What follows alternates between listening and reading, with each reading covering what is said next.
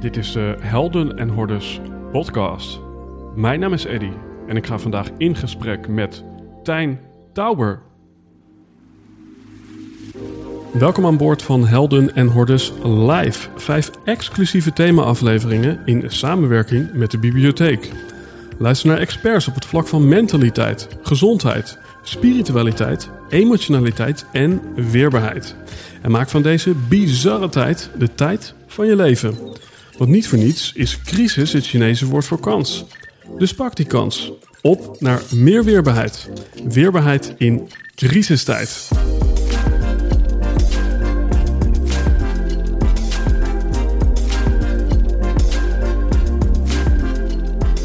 Alright, ladies and gentlemen, dit is de Helden en Hordes podcast live met een F. Live omdat wij geloven in het leven, omdat we geloven dat crisis het Chinese woord is voor kans. En wie zijn wij dan? Wij zijn de Helden en Hordes podcast in samenwerking met de bibliotheek. We hebben een aantal bijzondere mensen achter de microfoon geschoven. Eén daarvan is Stijn Tauber, die je zo direct gaat horen. En er komen ook nog afleveringen met Noeska Pak en Mark Schadeberg. En wie we in deze serie al hebben gehad zijn Albert Sonneveld en Ralf Moorman. Samen vormen ze een quintet om jou een hart onder de riem te steken. Noeska spreekt over het emotionele lichaam. Mark spreekt over het herstellichaam. En dan hebben we Ralf gehoord over het fysieke lichaam en Albert over het mentale lichaam. En in deze aflevering gaan we in op zingeving, op spiritualiteit met niemand minder dan Tijn Tauber. Want als het gaat om leven met beperkingen, dan weet deze man er alles van. Want Tijn leefde maar liefst 14 jaar celibatair. Geen alcohol, geen drugs en geen seks. En we praten in deze aflevering over verlichting, want misschien ben je al verlicht. Over verlichting gesproken, je leert ook waarom Tijn Tauber geen moeite heeft met een rood stoplicht en hoe dat precies zit. Verder praten we in deze aflevering over de verdeeldheid die paradoxaal ontstaat in een tijd waarin we eigenlijk steeds meer verbinden met onze spiritualiteit. Want er zijn steeds meer mensen die mediteren. En toch staan we steeds vaker lijnrecht tegenover elkaar. Nou, er wordt nog veel meer besproken. En voor de oplettende luisteraar, als je de volgende vraag goed beantwoordt, dan win je het boek van Tijn. De vraag is: wat moet je volgens Tijn doen als je Boeddha op straat tegenkomt? Nou, degene die die vraag als eerste beantwoordt en deze vraag deelt in de vorm van een story op Insta, met daarbij het antwoord eronder, Tijn en Helden en Hordes daar intact, die doet mee voor de loting van het boek Time Bender. Dat je het even weet.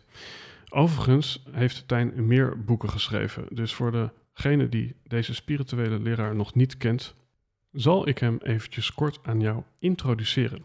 Tijn is dus schrijver, muzikant, inspirator en hij is oprichter van de succesvolle band Lois Lane. Tijn schreef onder meer de titelsong van de film Amsterdam. En na dit muzikale avontuur legt hij zich toe op de bewustzijnsontwikkeling en geeft hij trainingen aan onder meer de Amsterdamse politie, delinquenten in de Belmer Bias, bezoekers van Lowlands, rechters, artsen en de landmacht. Tijn schreef zeven boeken over zijn innerlijke avonturen. Zijn bekendste werken zijn Spoedcursus Verlichting en Timebender die kan winnen. Hij is initiatiefnemer van meditatienetwerk Stadsverlichting met meer dan duizend huiskamers, schoolverlichting en kidsverlichting. En samen met zijn partner Binky organiseert hij Timebender events, Game of Life concerten, sound healings, stilte en meditatiecursussen.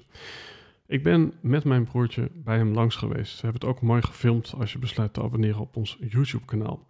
Het was een heel warm ontvangst. Zowel Tijn als Binky en hun hele leuke hondje ja, gaven ons het gevoel thuis te komen in een tijd dat we vooral thuiskomen bij onszelf, omdat we de deur niet zo vaak meer uitgaan. Ik hoop dat je dat kunt voelen en kunt horen in deze bijzondere aflevering van Weerbaarheid in crisistijd. Ladies and gentlemen, Tijn Tauber. Alright, Tijn, welkom in de Helden en Hordes podcast. En uh, super fijn dat we hier bij jou thuis mogen zijn. Van harte welkom allebei. Ja, ja ik denk dat het, uh, dat het heel bijzonder is om, uh, ja, om altijd bij iemand thuis te komen. Um, in een tijd waarin we eigenlijk ook wat meer thuis zijn. Dus deze aflevering die wordt opgenomen vanuit de bibliotheek met als ondertitel Weerbaarheid in crisistijd. Ehm, en ik heb jou gevraagd om eh, het stukje weerbaarheid uh, rondom spiritualiteit invulling te geven. Mhm. Ehm, ja, op het moment dat we dit opnemen, eh, staan we aan de vooravond, zoals het zo mooi heet, van een eh, nieuwe persconferentie. En nou ja, als ik dan eventjes vanmiddag weer het nieuws bekeek, dan waren er eerst nog geluiden van, zou er een verlenging komen of niet? Eh, en toen was het, zal de verlenging drie weken worden of wordt die net zoals in Duitsland misschien nog wel verlengd tot ergens begin april? Hmm. Ja. Ehm, en dan zijn er mensen die daarin een beetje het perspectief verliezen, omdat ze misschien toch al een beetje die donkerte van het binnen ervaren. Eh, en dan eigenlijk ja, misschien niet de nodige afleiding hebben die ze hadden. ja.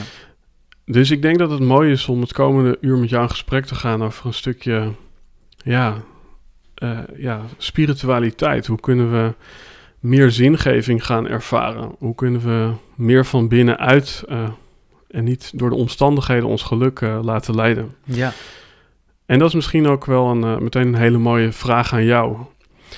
Om daar ook te, ook te starten van... Hmm. Als, als ik het jou zou vragen van...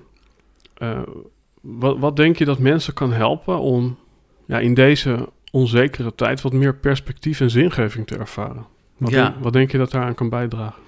Nou, dat is een mooie vraag, Eddie. En eh, ik, het is wel grappig, toen, toen eh, het hele corona-verhaal begon, hè, 11 maart eh, Mhm. van vorig jaar.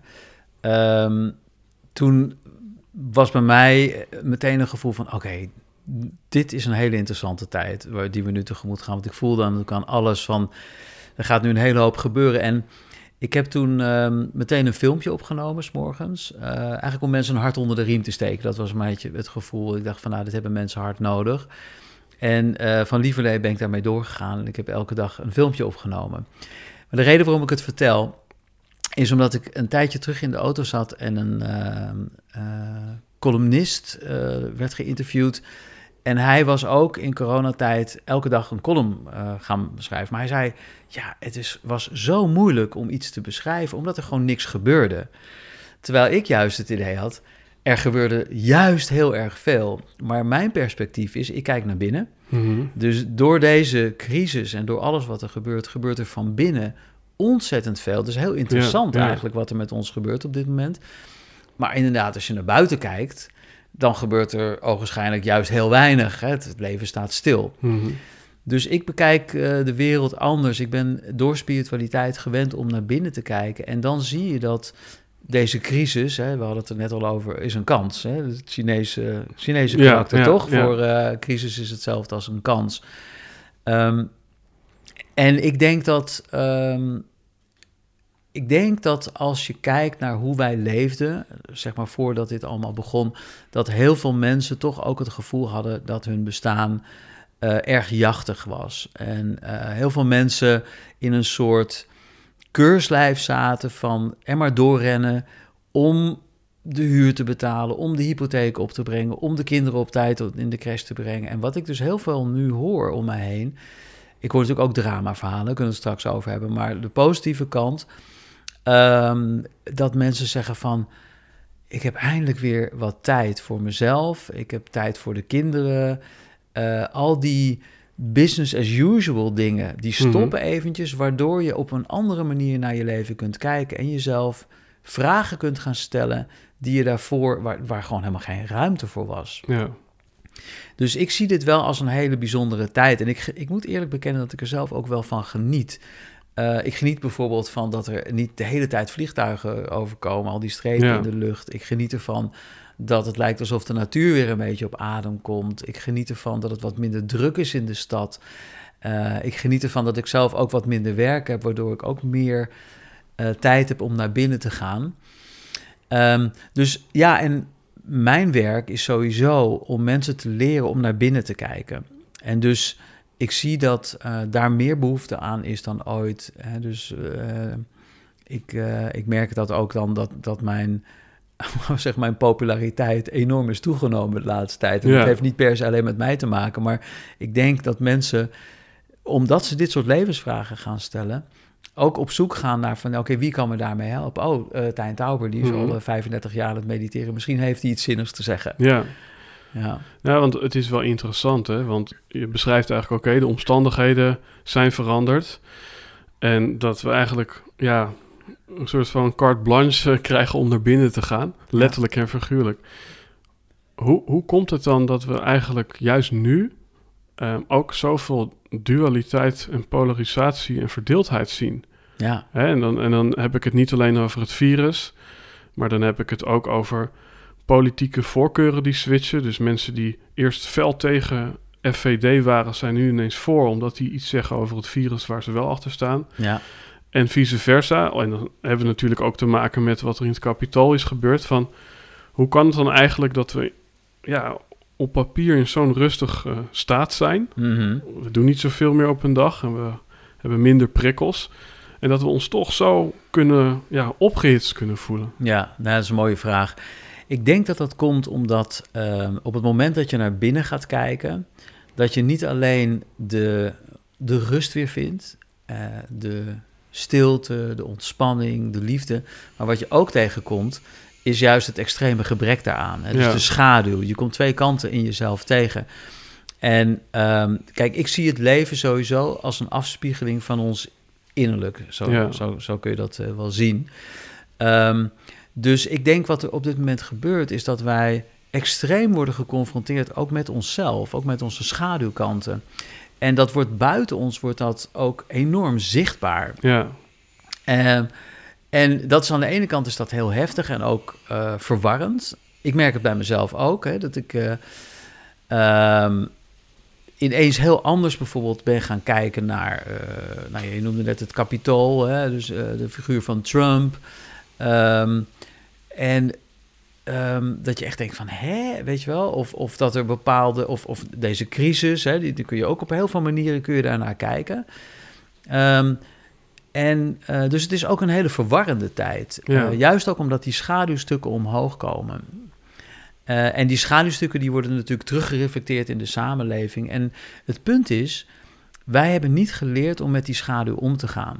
Dus wij, wij leren niet in onze samenleving, of nauwelijks, eh, hoe we omgaan met negatieve gevoelens, negatieve emoties, depressie, verdriet, Hmm. teleurstelling, verraad.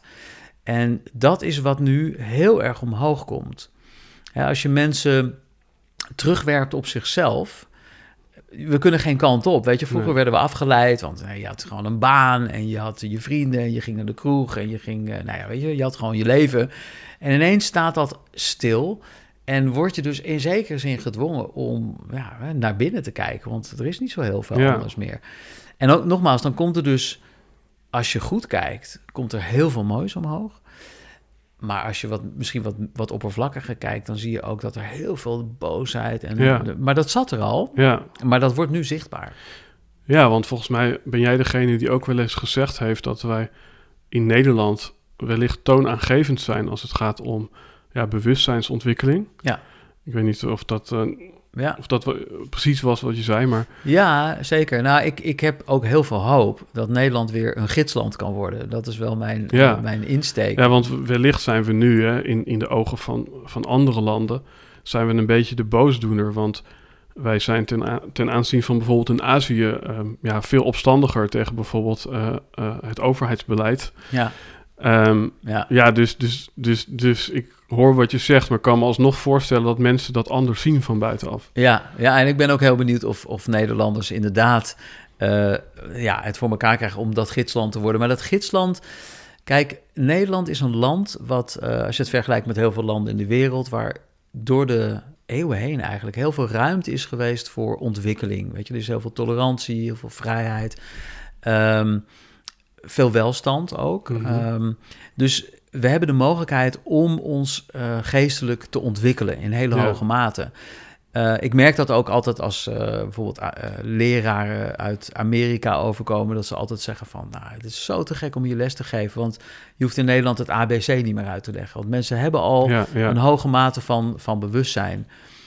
Ehm, wat ik hoop in deze tijd is dat mensen eh, door de, de crisis ehm, nog meer naar binnen gaan. Nog meer uh, zich realiseren van oké, eigenlijk de enige weg uit deze crisis, maar ook eigenlijk uit alle crisis, is ons bewustzijn verhogen. En ik zal uitleggen wat ik daarmee bedoel. Um, je zou kunnen zeggen dat alle problemen die wij hebben op aarde te maken hebben met een verkeerde identificatie. Want hè, als je identificeert met je geloof, of met je spullen, of met je land, of met je huidskleur, of met je politieke of met je voetbalclub, ja. dan automatisch kom je in conflict met een andere voetbalclub, mhm. met een ander geloof, met een andere huidskleur enzovoort. En eigenlijk als je alle problemen die wij hebben analyseert, dan komen ze daarop neer. Een verkeerde identificatie. We, weten niet meer wie wij zelf ten liefste zijn. En daardoor krijg je die verdeeldheid. En als je dus dieper naar binnen gaat en je gaat jezelf weer herkennen als spirit, als ziel, of hoe je dat ook noemen wil, dan kom je op een level waarin je uh, automatisch je verbonden voelt, ook met anderen. En mensen die zichzelf op dat niveau terugvinden, hoef je ook niet te vertellen dat je de regenwouden niet moet kappen of dat je uh, lief moet zijn voor je buren, want dat gaat vanzelf. Want dat mhm. kan niet anders vanuit ja, dat dus, dus, dus leert deze tijd ons vooral iets over eenzaamheid of juist over verbindingen en relaties? Ik denk beide. Ehm, het leert ons, het hoop ik dat het ons leert of de kans geeft om onszelf weer op dat diepere niveau te gaan herkennen waardoor we ons realiseren dat we verbonden zijn. Dat we uiteindelijk één zijn.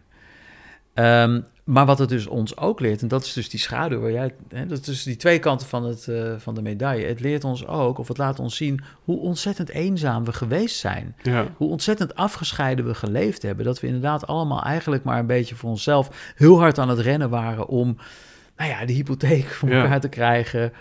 En heel weinig werkelijk verbonden waren met elkaar. Ja, want het is eigenlijk in die zin, het is meer een soort van filosoferen, wat ik dan nu begin te doen, merk ik. Maar het is heel dubbelzinnig dat je eigenlijk ja, juist teruggeworpen wordt op jezelf. En eigenlijk gewoon, ja, als je er een camera boven zou hangen, dan zie je veel meer mensen die in kleinere groepen of zelfs helemaal alleen zijn. Ja. Maar juist daar ligt de uitnodiging om te zien dat misschien buiten het fysieke lichaam om die verbinding er gewoon is. Ja, en ik denk ook dat op het moment dat je wordt teruggeworpen op jezelf uh, en in je kamertje zit, dat misschien ook op een bepaald moment komt dat je weer gaat realiseren hoe heerlijk het is om wel, uh, hè, wat we vroeger hadden, die vrijheid die we voor granted namen, hè, dus uh, van nou ja, natuurlijk ben je vrij, dat je gaat realiseren van wauw, wat een wat een luxe eigenlijk dat je, je je kon verbinden met anderen, weet je. En, en hoe fijn het is om iemand te kunnen knuffelen. Ja. Wat nu niet meer kan. Of, of dichtbij iemand te kunnen zijn. Dus in, intiem te kunnen zijn. Mm dus um, ik hoop dat deze crisis een kans zal zijn voor ons inderdaad om um, de, ja, de belangrijke aspecten van het leven. En die hebben dan dus te maken met uh, nou, wie ben je echt, mm. de, de, grote levensvragen. Dat we daar um, nu eindelijk aan toekomen. Um, en niet weer, zoals je toch wel vaak hebt gezien in de geschiedenis. Ik moet nu even denken aan de banken die dan een aantal mm. die economische crisis die we dan een tijdje terug hadden. Dat je echt zag van nou, het systeem klopt niet, hè, het staat op instorten. Nou, dan stort het in. En dan, dan denk je van, nou jongens, nu hebben we ons lesje wel geleerd, of we gaan nu niet weer op dezelfde voet verder. Maar dat gebeurde dus wel. En misschien dat we een nog grotere crisis nodig hadden, en hoop, misschien is dat deze dan, om ons te realiseren van, oké jongens, we kunnen niet zo verder. We zullen vanuit een ander vaatje mm. moeten gaan tappen. En dat andere vaatje, dat is voor mij spiritualiteit. Dus als ik daar nog even iets over mag zeggen. Kijk, de mensheid, als ik het even vanuit die, dat helikopterperspectief mm kijk. Ehm, de meeste mensen identificeren zich zeg maar, met hun fysieke vorm, met hun denkbeelden en ook wel met hun emoties. Mhm. dus, dus ik, ben een, uh, ik ben een man, uh, ik ben uh, zo groot, ik ben blank, ik ben blond, bla bla bla. Um, en, en ik ben een Nederlander, ik ben een christen, ik ben een journalist enzovoort. Dat soort. Ja. Hè? En, maar het punt is een beetje dat al die identificaties, die zijn eindig, weet je. Want ik, op een gegeven moment ga ik dood, mijn lichaam wordt ziek. Uh, misschien dat ik uh, vandaag een christen ben, maar uh, morgen denk oh nee, maar Mohammed was toch mhm. ook wel een toffe peer, whatever. En dat maakt dus dat onze basis voor ons bestaan heel wankel is. Nou, ik denk dat langzaam maar zeker steeds meer mensen wakker aan het worden zijn daarvoor. En ze gaan realiseren: oké, ehm, vanuit die permanente staat van angst en onzekerheid, er is ook een andere manier van leven. Mhm. Nou, dat is dan wat ik spiritualiteit noem: dat je jezelf gaat herkennen op een ander niveau. En ik weet nog heel goed, toen ik voor het eerst ging mediteren, dat is zo'n 35 jaar terug, ehm, dat ik mezelf voor het eerst herkende als bewustzijn. Ja. Echt dat gevoel had van, oh ja, maar ik ben natuurlijk helemaal niet mijn, mijn mind, mijn gedachten, mijn zorgen. Ik ben ook geen popster, ik zat toen in Loos Lane. Ja. Ehm, ik ben ook geen... Nee, al die dingen, dat ben ik allemaal niet. En dat gaf zo'n opluchting en rust. En ehm, ja, vanaf dat moment ben ik dus, laten we zeggen, uit een ander vaatje gaan tappen. Ben ik mezelf veel meer gaan zien als dat eeuwige bewustzijn. Waardoor al die schijnidentificaties steeds meer zijn weggevallen. Ehm, en als ik kijk naar de mensheid, ik denk dat wij toe zijn aan die volgende stap. En ik Ja. ben natuurlijk niet alleen. Hè. Er zijn dus heel veel mensen die die kant op aan het bewegen zijn. Toen ik begon met meditatie, was ik wel een soort eenling soms. Hè, mijn bandleden vonden mij een, eh, wat was zei ze nou, oh ja, een, eh, een konijn, hè, omdat ik vegetarisch was gaan eten en eh, een beetje zonderling. Maar nu, weet je wel, Boeddha is de nieuwe tuinkabouter geworden. Het is gewoon, overal is spiritualiteit langzamerhand. Hè, dus ik denk dat dat de nieuwe fase zal zijn, onze nieuwe Ja. evolutionaire stap. Ja. Dat we ons veel meer op dat niveau gaan herkennen. Ja, dat vind ik interessant. Want ik, ik las toevallig eh, een column waarin eigenlijk de conferentie van Joep van het Hek een beetje bekritiseerd werd. Omdat die columnist zei van ja, ehm, hij maakt dan grappen over mindfulness. Maar Ja, toen moest ik eraan denken dat, eh, dat dat soort grappen kon je misschien 10 of 20 jaar geleden nog goed maken. Maar toen datzelfde eh, oudejaarsweekend trending topic nummer 2 Headspace was op Netflix. Oh ja, Ja, dus dat is een, eh, ja, een, een meditatie-app die nu ook een documentaire is begonnen. ja. Ja, dan, dan merk je inderdaad van oké, dus als het collectief het nu begint te omarmen, dan begint er wel iets te veranderen. Ja.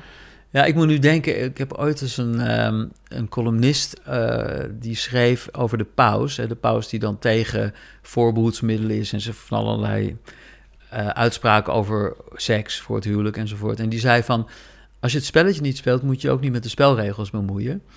En hetzelfde denk ik een beetje over Joep van het Hek. Ik bedoel, hij weet niet wat mindfulness is, denk ik. Ik denk niet dat, ik bedoel, tenminste zo komt hij op mij over. Hij heeft dan wel heel veel kritiek erop, maar hij maakt op mij niet de indruk dat hij het ooit zelf heeft uitgeprobeerd. Want Hij Mhm. heeft daar een hele duidelijke mening over. Ja, Weet je, dus ik, en ik denk dat daarom Joep van het Hek door veel mensen ook niet meer zo heel erg grappig wordt gevonden. Want ja, je kunt wel dingen aflopen zeiken. Mhm. Maar ik bedoel, probeer het dus. Mhm. ja. Eh, ik bedoel, en bij hem merk je, vind ik dan, eh, ik heb ook een stukje van zijn conferentie gezien, dat ja, het is wel heel makkelijk. Ook bijvoorbeeld, hij had het dan over eh, mensen die rouwen om hun hondje, bijvoorbeeld. Weet je, dat vond hij dan ook zo absurd dat mensen daar maar aan me denken van, ja, weet je, wat is er op tegen ja. om heel veel van een dier te houden? Wat is er trouwens mis met van een dier houden, weet je wel? ja. Dus hij is heel. ehm, maar ik denk dus dat dat soort. ehm, die manier vanuit de mind eh, verdeel en heers, hè, dat dat hakken, Mhm. dat dat langzamerhand als door heel veel mensen als niet meer zo leuk wordt ervaren. Ja. En dat zie je ook. Dat we En, en, en zijn het dan een soort laatste stuiptrekkingen van de maatschappij dat we nu juist heel erg proberen te verdelen en te heersen? Nou, dat is precies wat er op dit moment volgens mij gebeurt. Dat, eh, dat is die schaduw die je nu omhoog ziet komen. Dus de, Mhm. dat de, de verdeel- en heerscultuur, die er eigenlijk altijd geweest is op de achtergrond, ehm, de macht van de grote techbedrijven bijvoorbeeld, eh, van politici die gewoon voor ons bepalen Ja. wat er gebeurt in ons leven, zeg maar. Dat is eigenlijk altijd al zo geweest, maar dat is een beetje sluimerend op de achtergrond. En, toch lijkt het, eh, eh, toch lijkt het als ik dan bijvoorbeeld kijk naar hoeveel mensen zijn er bijvoorbeeld voor het overheidsbeleid en hoeveel mensen zijn er tegen. Ja, er zijn misschien meer mensen tegen dan, dan ze zouden durven toegeven. Maar het lijkt toch dat, dat er toch nog steeds een overhand is die, die het misschien zelfs wel fijn vindt dat er een, Ja. ja, een, een sturing is van bovenaf. Ja, dat denk ik ook. En dat heeft denk ik ook te maken met een soort, ehm, ik noem dat wel eens het Messias-programma. Dat we eigenlijk gewoon toch nog steeds hopen dat iemand of een systeem of een Rutte of whoever, of Ja. een vaccin, Ja. ons gaat redden. ja. En wat volgens mij de grootste cultuuromslag gaat worden die wij nu gaan meemaken, hoop ik, is wat de Hopi-Indianen zo mooi zeggen van in the end, you will realize that you are the one you've been waiting for. Niemand gaat jou redden. Christus komt niet meer terug. Nee. Boeddha heeft het niet gedaan. Obama niet. Ja. Niemand gaat ons redden. Wij moeten onszelf redden. We, gaan, we moeten onszelf weer gaan herkennen als die prachtige wezens die alles in ons hebben om Ja. geweldig Dat te vind zijn. ik, vind ik een mooi bruggetje, omdat ehm één ding waar we niet in... eh, ja, het thema soberheid vind ik ook nog mooi om eh, met je naar te kijken zo direct. Mhm. Maar eh, één ding waar we ja, niet in zijn gaan minderen is, is informatie. Ik denk juist, misschien juist door die crisis, dat we wat vaker op de bank nog dan normaal eh, kijken naar allerlei eh, nieuwsuitingen. Ja. Maar niet alleen nieuwsuitingen, maar ook ja, toch die beweging van eh, steeds meer mensen die worden teacher of coach of hebben een boek geschreven. En dan her- herinner ik me dat je volgens mij ook iets gezegd hebt ooit over dat, dat je op een gegeven moment moet weten wanneer je ja, je coach moet verlaten en het Ja. zelf moet gaan doen. ja. Zou, zou je het daar even Ja. oppakken? ja, ik heb ooit eens herinner ik me nu een column geschreven in Happiness. En de, de titel was De ene helft van Nederland coacht de andere helft. Omdat het mij ook was opgevallen hoe onvoorstelbaar veel coaches en Ja. therapeuten er zijn. En op zich is dat natuurlijk een mooie ontwikkeling dat mensen zich met eh, bewustwording en zo bezig gaan houden. Alleen ook hier weer moet je dus oppassen dat je daar niet weer in die afhankelijkheidsrelatie komt. Hè? Van, ehm, in het boeddhisme zeggen ze heel mooi: If you meet the Buddha on the street, kill him. Dus Ja, met andere woorden, als je, als je dus denkt van, oh, deze man gaat mij redden, dat Mhm. is niet zo. En natuurlijk, ik ben helemaal niet tegen coaches. Het is, het is denk ik heel goed, zo nu en dan fases van je leven, dat je even een spiegel nodig hebt. Ja, Maar het, het punt is een beetje, ehm, en nu citeer ik Marshall Rosenberg, dat is ook een, een, eh, vind ik een hele bijzondere man die de geweldloze communicatie heeft bedacht. Die zei: Als een therapeut zich opstelt als therapeut, is de therapie bij voorbaat al mislukt. Omdat er te sprake is van een ongelijkwaardige relatie. Je Ja. denkt als cliënt: hij weet het of zij weet Ja, het, zij ja, gaat mij redden. Terwijl jij weet het. ja. ik moet denken aan, ik, ik was even, eh, even een zijspoor, maar wel een leuke, omdat het ook weer een bruggetje slaat. Naar ehm, eh, Monty Python Life of Brian. Dan eh, staat eh, Brian, die dan eigenlijk verkozen is tot Jezus en dat zelf niet wil, die staat dan zo op een balkonnetje en dan zegt hij... don't listen to me, you are all individuals. En dan zegt één iemand, I'm not. I'm not. Ja, en dat is wel. eigenlijk de enige volgens mij Ja. die, die dan wel nog een soort van autonoom... Ja, Ja, en niet Ja. als een soort van kudde die er, erin meegaat. Dus Ja. is een hele gekke... Ja, die scène is geweldig. Dat, dat zijn moeder ook zegt van... He, he's, a- he's not the messiah, he's a very naughty boy, now piss off. Ja, ja. En dat iedereen dan achter hem aanrent... en dat hij zo halverwege zijn schoen verliest... Ja, dat iedereen dan ook zijn schoen uittrekt. ja, Nou, dat inderdaad... Maar dat is een beetje... Dat is natuurlijk heel, heel gechargeerd neergezet... maar dat is wel hoe de mensheid... voor een groot deel in elkaar zit. Dat we zelf niet nadenken, Mhm. liever niet, weet je wel... En eh, de grote beslissingen aan anderen overlaten. En zolang we dat doen, eh, blijven we ook in dit systeem zitten. ja.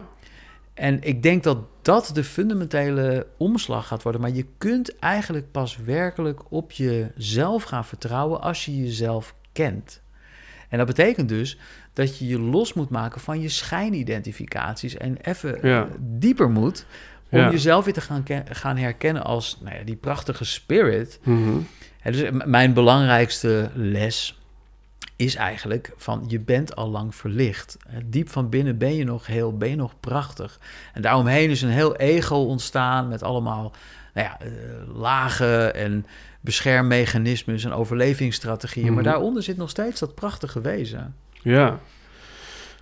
Ja, want ook daarin zie ik een, een soort van interessante soort van tweestrijd. Van enerzijds zou je kunnen zeggen van nou, er is nu meer dan ooit gelegenheid om inderdaad jezelf te leren kennen. Misschien door middel van een meditatie-app of alleen thuis zitten of wat dan ook. Ja. Maar anderzijds, ja, volgens mij kan je het woord vervelen wel uit het woordenboek halen, omdat we ieder nitty-gritty moment ja, vullen we op met dingen die afleiding geven, eh, Ja. waardoor we niet, ja, even niet dat contact maken met wie we zijn. Dus, ja. dus en dat is misschien wel ook concreet mooi van eh, wat je misschien aan de luisteraar wil meegeven van Wat, wat denk je dat mensen, wat, wat zou je tegen mensen willen zeggen die constant ten prooi eh, vallen aan verleiding of afleiding? Ja. Waardoor ze eigenlijk dat binnenwerk maar matig eh, kunnen bewerkstelligen. Ja, nou ja, ik zou echt willen aanraden om een, een maand lang bijvoorbeeld echt een discipline te maken van meditatie. Dus elke ochtend 10 minuten te gaan zitten en elke avond 10 minuutjes. Ehm, want als je dat niet doet, als je niet tegen jezelf zegt: Oké, deze maand, eh, januari, ga ik dat gewoon doen. Whatever, weet je Ja. wel. Al, en ik moet denken aan ehm, Anthony Robbins, die in, in die mooie Netflix-documentaire I'm Not Your Guru zegt: Hij springt elke ochtend in een ijsbad, hè? Mhm. En hij zegt, er is nog geen dag voorbij gegaan dat mijn mind niet zei... Anthony, je gaat toch niet in een ijsbad springen? Ben je helemaal gek geworden? En dan zegt hij tegen zijn mind, this is not a discussion. We Mooi. gaan het hier niet Ja, over ja, hebben, we ja. gaan gewoon dat ijsbad in, klaar. Nou, zo zou je dat met meditatie ook, denk ik, moeten doen. Dat je tegen jezelf zegt, oké, natuurlijk, weet je, er is Netflix, er is, eh, er is van alles en nog wat... maar ik ga dat gewoon doen. En ik heb dat namelijk ook gedaan. En dan merk je dus dat na een x aantal dagen... dat je het ineens fijn gaat vinden. Dan gebeurt Mhm. er iets dat je denkt van... oh, wat lekker om even gewoon... niet een human doing te zijn die altijd maar bezig is... maar gewoon te zijn. ja. En dan kom je op een diepere laag in jezelf. Je komt eigenlijk terug op je, nou ja, je bestaansgrond. Weet je, dat, die, die persoon die je werkelijk bent. Je komt thuis. Ja. En dat is zo lekker. Dat is zo bevrijdend. En dus de volgende ochtend denk je van, ik ga weer zitten. Dit is te gek, weet je wel. En niet dat het gegarandeerd is dat je dan exact dezelfde ervaring hebt. Mhm. Maar waarschijnlijk kom je steeds dichterbij. En ik merk dus dat als mensen dat een maandje doen... ehm, dat er op een gegeven moment... dan hoef je ook niet meer daar discipline van te maken. Ja. Dat is gewoon iets wat je heel fijn vindt. Want, want dit vind ik wel ook interessant eh, om dat van jou aan te, te mogen nemen. Ehm, je hebt volgens mij 14 jaar celibatair geleefd. Ja. Ja. Dus volgens mij niet alleen betekent dat geen drank en drugs, maar ook geen seks. En ook geen seks met jezelf. Dus gewoon helemaal niks, toch? Klopt. Ja. Ja. als je het dan hebt over discipline van... welke motivatie ging daaraan vooraf? Want je was een succesvol artiest. Ja. En ik denk dat, ja, dat, dat er heel veel mensen het misschien wel weten of begrijpen, maar dat ze toch die, die 30 dagen al niet eh, ja, ja. kunnen bewerkstelligen. Nou, wat er bij mij aan vooraf ging, dat is eigenlijk precies wat jij nu ook zegt. Ik merkte dat ik zo buiten mezelf leefde. Ik werd geleefd. Ik leefde niet meer. Ik werd geleefd door ook wel het succes wat we hadden. Ehm, en ik was de songschrijver, dus ik was ook ik was de oprichter van de band. Ehm, ik was een soort van de spil. Dus ik had steeds meer het idee dat alle ogen op mij waren van hè, wanneer komt die volgende hit, hè, de platenmaatschappij, de fanclub, eh, het management Mhm. enzovoort. En ik merkte ook, omdat ik me best wel was gaan identificeren met het popsterren zijn, het popster zijn, weet je wel. Dat, wat ik net al zei, hè, zo'n verkeerde identificatie, waardoor je eigenlijk alleen maar onzekerder wordt. Ehm, en ik merkte bij mezelf dat ik niet echt gelukkig was. En dat is mijn, mijn, mijn Henny Vrienden moment geweest. Hè. Is dit nou alles? Dat ik Ja, me realiseerde van, ja. ik heb alles nu. Ik heb gouden platen. Ik heb een, nou, Monique Kleeman, een mm, lievere, mooie vriendin kun je niet wensen. Een vet platencontract. eh, Twaalf gitaren had ik toen al. Ehm, weet je, ik heb alles, maar ik ben niet vervuld. Hoe kan dat? Weet je, waarom blijf ik maar jagen? Waarom is er niet dat gevoel van life is great? En toen ben ik, toen dacht ik van ja, oké, waar zit geluk? Wat is dan geluk? Nou, en, en ik realiseerde me toen al vrij snel dat zit dus niet in nog een hit of nog een gouden plaat. Dat zit dus, het heeft met mij te maken. Ja, Nou, en toen ben ik naar binnen gaan kijken en toen heb ik voor mezelf besloten: oké, ik ga een maand lang. Ga ik even alles wat mij afleidt, wat me elke keer buiten mezelf trekt, televisie kijken, uitgaan, hippe schoenen kopen, flirten met vrouwen, ehm, ehm, drank, drugs, sigaretten, eh, snoep. Eh, ik heb gewoon zo'n lijstje gemaakt wat me Ja. de hele tijd naar buiten trekt. Dat ga ik even een maand lang niet doen. Cold turkey, bam. ja, En ehm, dat, dat was moeilijk ook wel. Dat was echt even van, ja, want wat er dan gebeurt is dat je systeem nog harder gaat roepen om sigaretten natuurlijk, Ja. eh, in het begin. Maar eh, wat meditatie je leert, en dat is heel interessant, is niet zozeer dat je je gedachten moet veranderen, want die gedachten waren juist heel veel op dat moment, maar dat je je gedachten niet bent. Dus ik, ik trainde mezelf om in het oog van de orkaan te gaan staan, in dat stille middelpunt. En gewoon te kijken naar die mind die aan het roepen was: van, neem een sigaret of. eh, Ga met een vrouw naar bed of eh, ga uit. eh, je zit maar een beetje suf saai binnen te zijn. En ik keek er gewoon naar. En wat heel erg helpt, en dat zou ik mensen echt willen aanraden, glimlach naar je mind.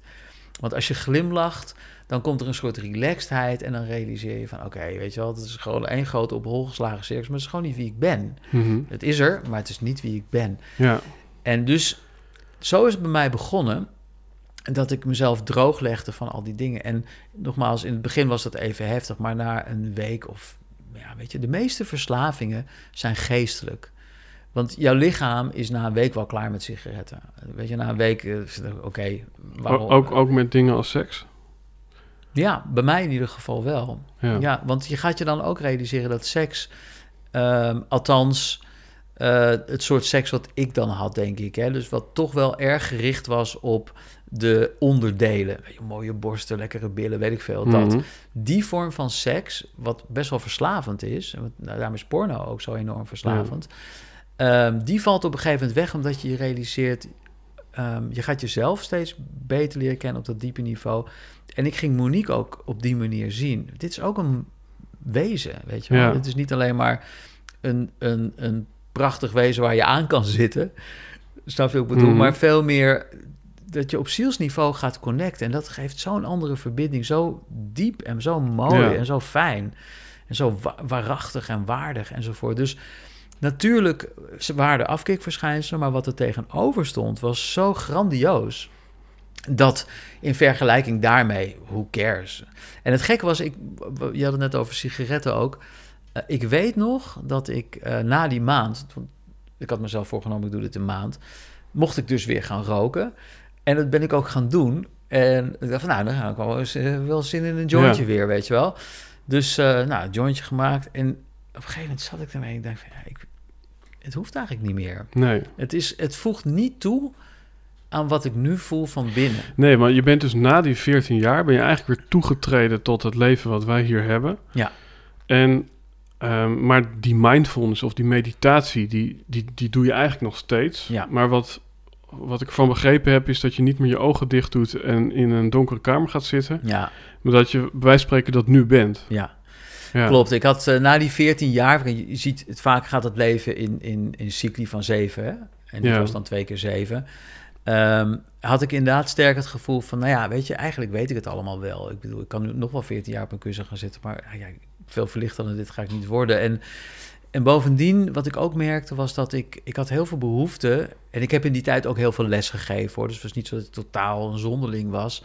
Ik leefde gewoon in Amsterdam en ik schreef toen voor het tijdschrift Ode. En ik maakte ook wel muziek, maar ik had wel een heel strak eh, ja, discipline. Ik stond om vier uur op voor meditatie en eh, nou, ik ging niet uit. Eh, ik had geen tv, nou ja, wat, dus seks en al die dingen deed ik niet.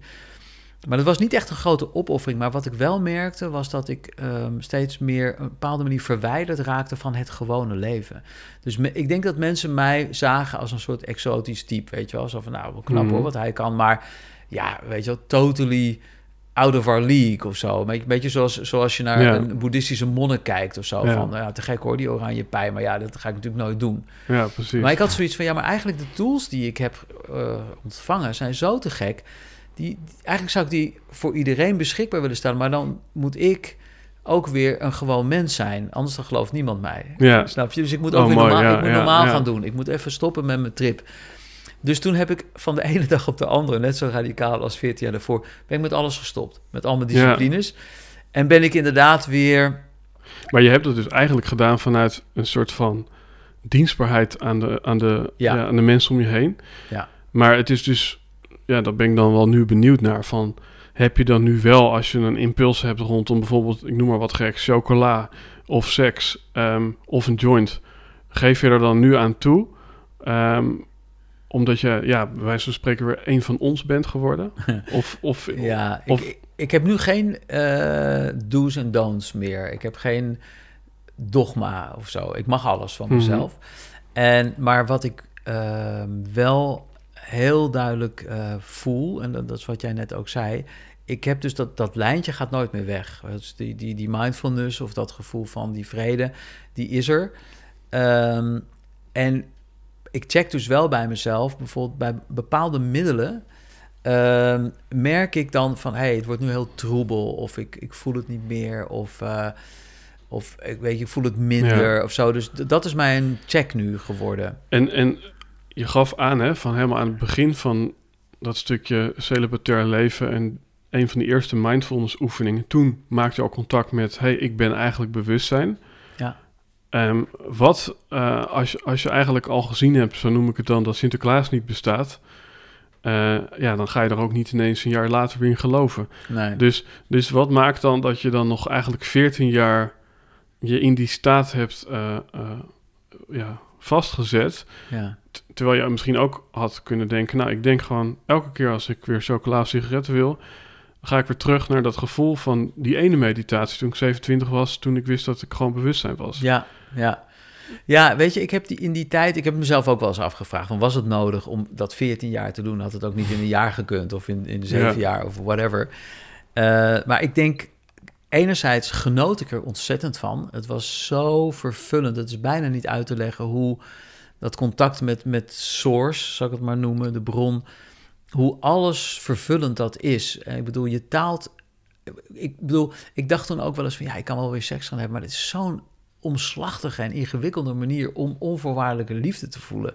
Want het is er al, weet je wel. Ik ben al totaal vervuld en ik ben gelukkig. En chocola of sigaretten gaan mij niet gelukkiger maken dan dat ik al ben. Dus het was ook ja. gewoon, het was zo zalig en zo. En wat maakt dan dat je die dingen nu toch weer toelaat? Dat je dat je, je ja, geen... Nou, ik, dat was echt de, de, de, de, motiv de beslissing was om weer normaal te gaan doen, zodat ik meer contact kon maken mm -hmm. met mensen, zodat ik um, ja, one of us ben en, en, Ja. en, die, en die tools kon overdragen. Dat is de, de, de motivatie. En als ik heel eerlijk ben, ik merkte ook wel van, kijk, bij alles wat je heel lang doet, wordt toch op een bepaalde manier sleets, weet je. Ik was, het was Een soort ook, immuniteit. ja, het werd Ja. op een gegeven moment ook wel zoiets van... oké, ik ben eigenlijk ook wel toe aan een nieuwe fase, een nieuw avontuur.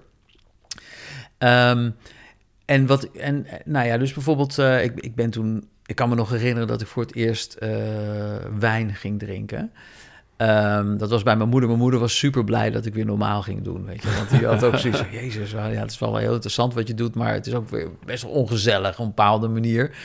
Ehm, nou, dus ik ging weer eh, bij mijn moeder eten en, eh, en een wijntje.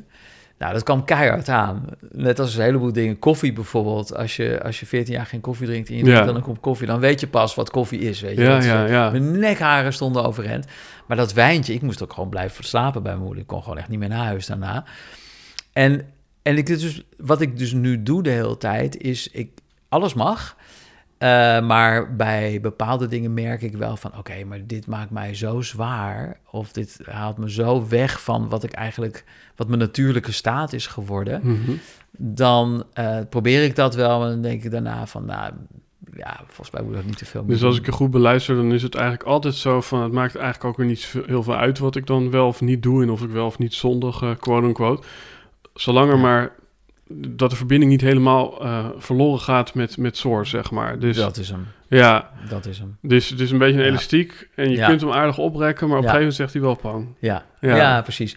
En dus, nou ja, beslissingen die, die ik dan, ja, beslissingen, maar bijvoorbeeld blowen, dat, Mhm. dat doe ik nu niet meer. Heb ik wel een tijdje gedaan, eh, na, nadat ik weer normaal was gaan doen.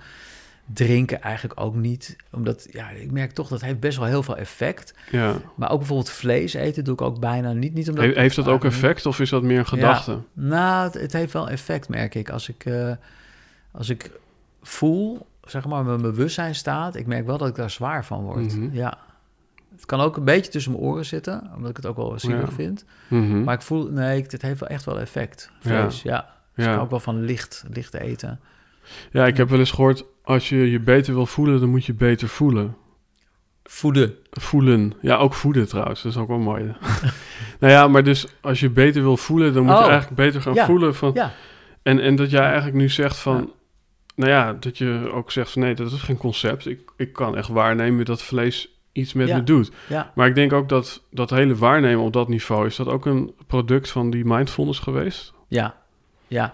En dat is ook wel een mooi bruggetje, vind ik, naar deze tijd. Want ehm, mensen voelen in deze tijd hopelijk meer. Als, als ze tenminste niet in de valkuil stappen. Want dan, dan vond ik die reclame in Duitsland dat je zo'n reclame over dat we de wereld aan het redden zijn door de hele dag op de bank te liggen en Netflix aan het kijken. Weet je, wel. Ja, ja, daarmee ja. ga je het dus niet redden.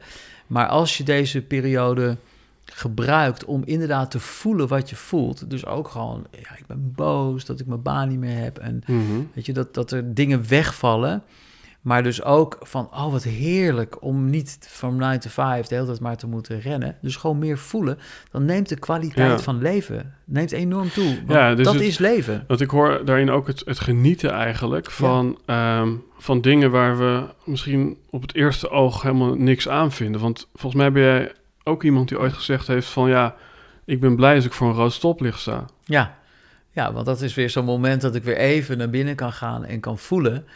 Ah ja, Ja, weet je, dus dat zijn die, die mindfulness momenten die het leven zo waardevol maken. Ja. Ik heb ooit, Osho die heeft ooit eens gezegd, eh, als je op je dag terugkijkt, dan is eigenlijk de enige waardevolle momenten zijn de momenten geweest dat je mediteerde, zoals hij dat dan noemde. Maar, maar daarmee bedoelde hij, want hij legde het ook uit, want dat waren de enige momenten dat je bewust was. ja, Al die andere momenten die gaan gewoon onbewust voorbij. Maar als je mindfulness of mindful bent of, of in een meditatief bewustzijn, dan ben je bewust. Dus je bent bewust in leven. Je Mooi, leeft. ja, ja. Je leeft, weet je wel. Je staat aan. En dat is waar we allemaal naar op zoek zijn. We willen gewoon leven. Mhm. Maar de meeste mensen verdoven zichzelf. Of ze- leven in een soort van verdoofde staat door het soort werk wat we doen. Door, nou ja, door Netflix, door Ja, want dat is volgens mij ook wel een denkfout als, je, als we dan even nog één slagje dieper ingaan op het stukje mindfulness. Van, ik moet alles loslaten.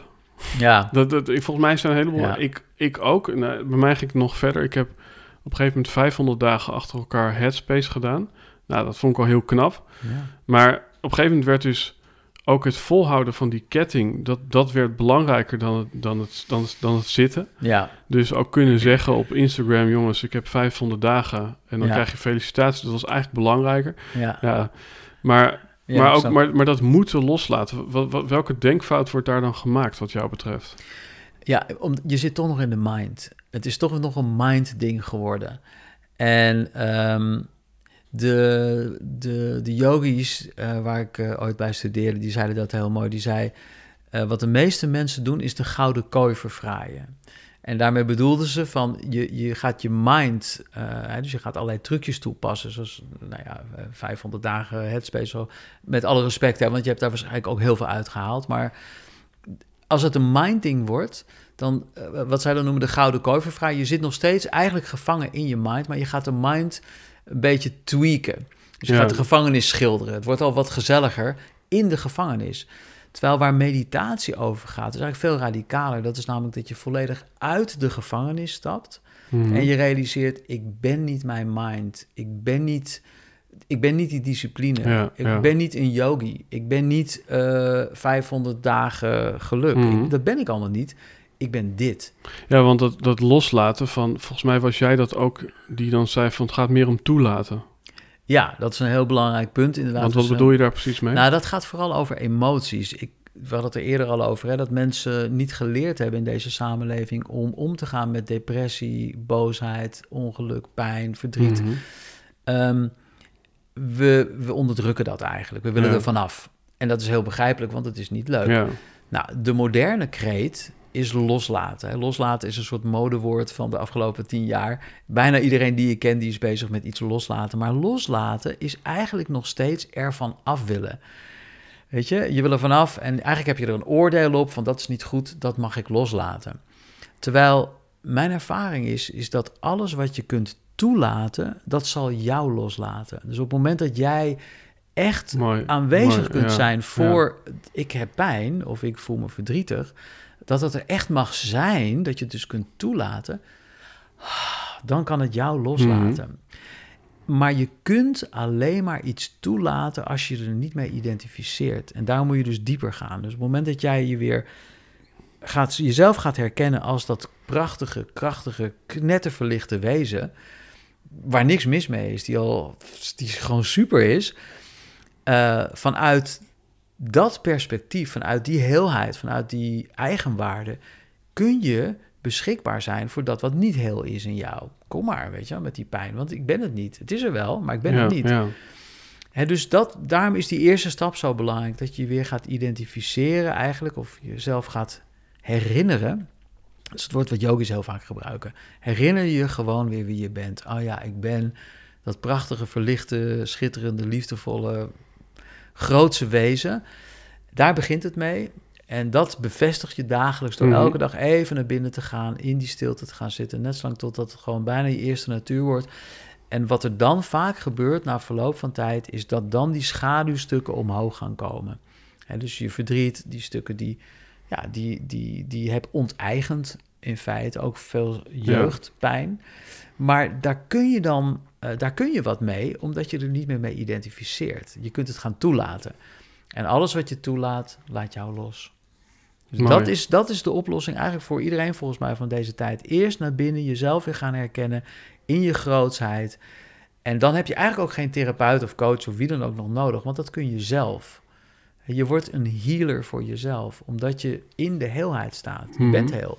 En, dus kan, en de gebrokenheid kun je omarmen. Het is misschien een beetje een helderziende vraag, hè? Van, eh, maar jouw, jouw boek, is het nou Time Blenders of Benders? Nu ben ik Bender, even- time Ja, bender. ja. ja. Is misschien ook allebei waar, eh, in zekere zin. ja. Maar ehm, eh, ja, wat staat ons nog te wachten? Hè? Want als je het dan over iets heel praktisch hebt, van nou, wij weten telkens niet wanneer houdt het nou eens op Ja. en wanneer kunnen we weer doen wat we deden. Ja. Ehm, maar als we even iets verder kijken, eh, wellicht heb je er dingen over gelezen, of zoals jij dat zo mooi zegt, gedownload in een meditatie, dat het Hmm. via jou tot uiting komt. ja. Wat, wat, wat kan je zeggen ehm, over wat ons nog te wachten staat? En wellicht niet vanuit een perspectief om nog meer controle te hebben over de toekomst, maar juist om een stukje vertrouwen te kunnen ontlenen uit van oké, wat er nu ook gebeurt, het is onderdeel van een stroming die uiteindelijk heel dien- dienend is voor, voor, Ja. voor onze harmonie. Ja, dat is een hele mooie vraag. Ik denk dat eh, we op dit moment in een overgangstijd zitten. Ehm, en dat, dat hoor je natuurlijk van alle kanten. hè. De Maya's hebben het over die kalender die stopt. eh, de Hindoes hebben het over eh, dat tijd cyclisch is. En we leven nu in Kali Yuga, hè, de ijzeren tijd, de meest donkere tijd. En we gaan naar Satyug, naar de nieuwe tijd. Ehm, het, het lijkt erop alsof ehm, eh, er een soort hele grote kosmische cycli zijn en waar we in zitten. Dus tijd is sowieso volgens mij een cyclisch fenomeen, gewoon seizoenen. En het lijkt erop alsof we nu een soort van het eindpunt hebben bereikt van het materialisme. Weet je, Eh, we zijn er langzamerhand ook gewoon klaar mee. Eh, Het is gewoon onvervullend. Ja, En heel veel mensen zijn zich dat aan het beseffen. Niet iedereen natuurlijk nog, maar een heel groot deel van de planeet is gewoon heel erg ongelukkig. Of het nou arme mensen zijn die niks hebben, of rijke mensen die juist alles hebben. Er is gewoon een soort collectief ongeluk. Het is tijd voor iets nieuws. Maar wat?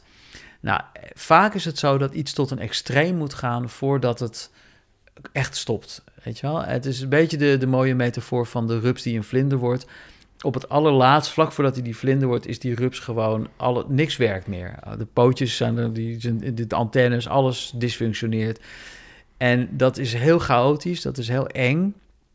Je hebt geen houvast meer, er is geen controle meer.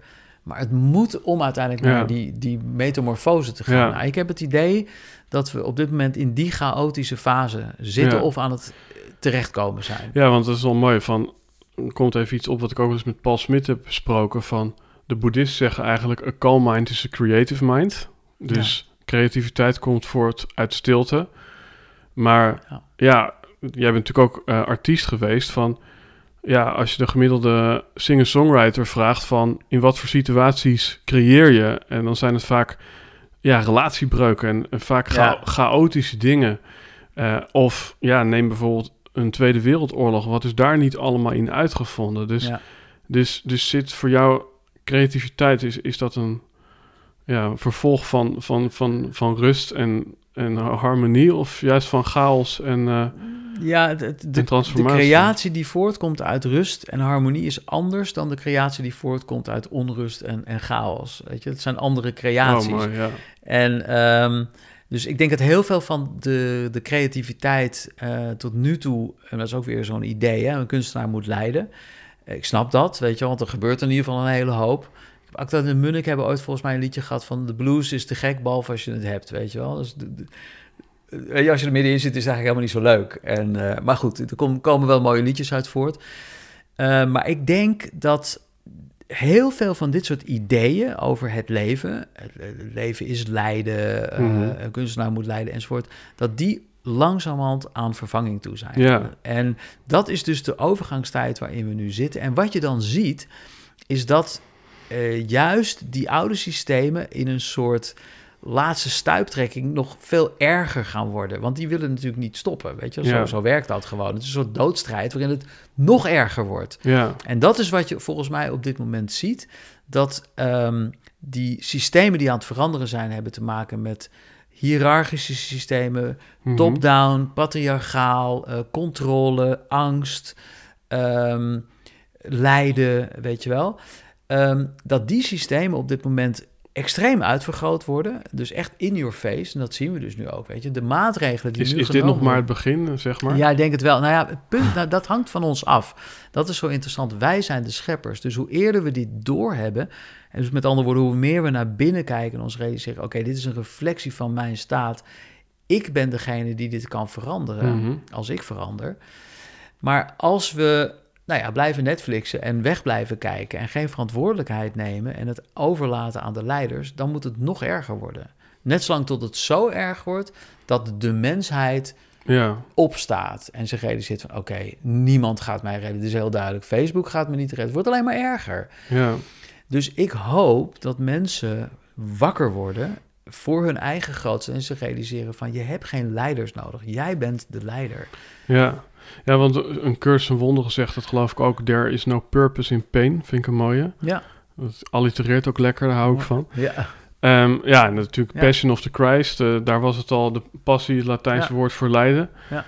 Maar ik vraag me dan af, hè, vanuit een soort van... oké, als we dat lijden dus blijkbaar helemaal niet nodig hebben... ja, in, in, in de duale wereld is het toch zo dat... ehm, eerst is, doet het pijn en daarna is het fijn. En dat, dat, Ja. dat, dat licht en donker elkaar nodig hebben. Dus hoe kan ik dan nog gelukzaligheid ervaren als, als er geen lijden meer is? Nou ja, dat lijden, kijk, ehm, lijden is alleen maar nodig voor mensen die geen innerlijk onderzoek doen. Dus op het moment, kijk, als jij eh, met jezelf in contact staat en dagelijks eh, je, jezelf herkent in je grootsheid en in staat bent om je schaduw te zien en de boel schoon te houden, dan heb jij geen externe, eh, weet ik wel, tegen een boom rijden of, eh, Hmm. of, of heftige dingen nodig om als een soort spiegel. Want die spiegel die zit al van binnen. Dat doe je zelf. Je houdt de boel schoon. Dus ehm, lijden is in principe niet nodig voor groei. Maar nu, omdat we niet naar binnen kijken... en Ja. omdat we gewoon maar als gekken op die afgrond afrennen eigenlijk... ja, eh, krijgen we dus ongelooflijk hard krijgen we hem terug. En, en dan nog blijven we maar zeggen... ja, het ligt aan het virus of het ligt Mhm. aan Mark Rutte... Ja, Of het ligt aan nee. De, de boodschap is nou juist: kijk naar binnen. Want waarom hebben wij dit gecreëerd? Wij creëren dit. En wij kunnen het ontcreëren. En uiteindelijk moeten mensen, denk ik, daaruit zien te komen. En nou ja, nogmaals, het zal net zo lang doorgaan totdat we dat gaan inzien. ja, En, dat, en dus wij hebben dat ook zelf in de hand, hoe lang deze crisis duurt. Dat ligt niet aan Mark Rutte, maar dat ligt aan... gaan wij op een gegeven moment opstaan en onszelf herkennen... eh, als de scheppers van onze realiteit. Ja. Mooi. Wat, wat, wat, ja, wat heb jij misschien zelf geleerd op het vlak van eh, relaties? Want huiselijk geweld schijnt ook toegenomen te zijn. Ja. Dus, dus wat kan deze tijd ons leren over misschien wel onze liefdesrelatie? Ja, ik denk dat ehm, dat huiselijk geweld, ik snap dat wel. Want mensen worden natuurlijk ontzettend op elkaar teruggeworpen. Ehm, en wat de neiging, dat is eigenlijk ook waar ik het net over had. De neiging is natuurlijk om jouw gevoel van ongeluk of onmacht over je leven op een ander te projecteren. Dat is natuurlijk wat we de hele tijd doen. Ehm, totdat je je realiseert van oké, deze persoon is een spiegel in mijn leven. Weet je, die is er Mhm. niet voor niets. Ik, heb, ik, heb deze, ik ben deze relatie aangegaan. Dat is niet haar schuld dat ik me zo rot voel. Nee, dat doe ik zelf. Ik ben verantwoordelijk voor mijn eigen binnenwereld. En op het moment dat je dat uh, die omslag maakt, dan wordt die ander uh, niet meer de boeman of de schuldige, maar dan ga je werkelijk een relatie met die ander aan. Weet je, je gaat die ander zien voor, voor wie die is. En dus ook op het relationele vlak hebben we die omslag weer te maken. De vijand is niet buiten jou, het zit in jou. En een ander is gewoon een soort continue spiegel. Die gaat ja. voortdurend op die knop drukken. En dat is niet van, het is net als met een autolampje wat brandt. Weet je, dat, dat stomme lampje. Nou, sla er met de hamer op zo, daar zijn we vanaf. Nee, dat lampje dat brandt natuurlijk. Die, die, op die knop wordt gedrukt. Omdat er iets in jou zit wat daar mee getriggerd wordt. Als je dan naar binnen kijkt en wat is dat? En je lost het in jezelf op die rode knop, dan is die rode knop er niet meer. En dan kan niemand er meer op drukken. Uh, ja, wat, wat, is wat jou betreft dan de functie van een relatie, hè, spiritueel gezien? Um, ik denk dat... Is hij er even, makkelijk gezegd om ons gelukkig te maken? Nou, ik denk sowieso wel dat wij relationele wezens zijn. Ik bedoel, ook in die periode dat ik uh, celibatair leefde, uh, had ik een hele diepe liefdesrelatie met, met God. Mm ik noem het dan maar even God of Source. Um, als ik dat niet had gehad, had ik dat nooit gekund. En ik zie dus ook dat mensen die celibatair leven en niet een vervullende relatie hebben met, met de bron of met God, hoe je dat ook noemen wil, dat gaat fout. Dat zie je dus in de kerk. Weet je, dus, dus dan ga je op een hele weirde manier ga je aan je gerief komen. Weet je, dus nou ja, we weten allemaal de, de schandalen die eruit voortkomen. Dat, dat, dat is onderdrukking, dat werkt niet. Um, dus ik denk dat wij relationele wezens zijn. Wij kunnen niet zonder elkaar, wij kunnen niet zonder liefde. Um, en, maar op het moment dat jij jezelf weer gaat herkennen als, laten we zeggen, ziel, hè, zo noem ik dat dan maar eventjes, dan ga je die ander ook weer herkennen en dan heb je werkelijk een ontmoeting. Dan zijn het niet programma's die elkaar ontmoeten. Jij met een moslim en ik ben een christen en dus bam. Jij met een Ajax ziet, ik ben een PSV en bam. Nee, ik herken mezelf in mijn ware vorm en ineens ga ik jou ook herkennen. Ja. En ik heb er wel mooie voorbeelden van. Ik zeg tegenwoordig, ehm, ik neem mensen vaak mee op stilte retretes. Hè? Dat is dan mm. een week lang de stilte in. En ik zeg tegenwoordig, dat is bijna een waarschuwing, van let op, je gaat verliefd worden. Want er zijn al heel veel relaties uit voortgekomen en kinderen, ja. Maar dat komt, en dat is helemaal niet fout natuurlijk, maar dat komt omdat wat je merkt in uh, stilte meestal de eerste dag worden mensen bijna een beetje gek van zichzelf, weet je wel. Want je hebt, je hebt helemaal geen afleiding, er is geen telefoon, je, je leest niet, er is geen televisie. Nou, je, je bent volledig op jezelf teruggeworpen en dat is heel, kan heel pijnlijk zijn, confronterend. De tweede dag uh, wordt dat al iets rustiger. En meestal is het zo dat de, de derde dag, dan, dan is ontstaat een soort overgave. Oké, ik stop met vechten. Ik word mhm. helemaal gek van mijn mind en maar whatever. En dan is het van...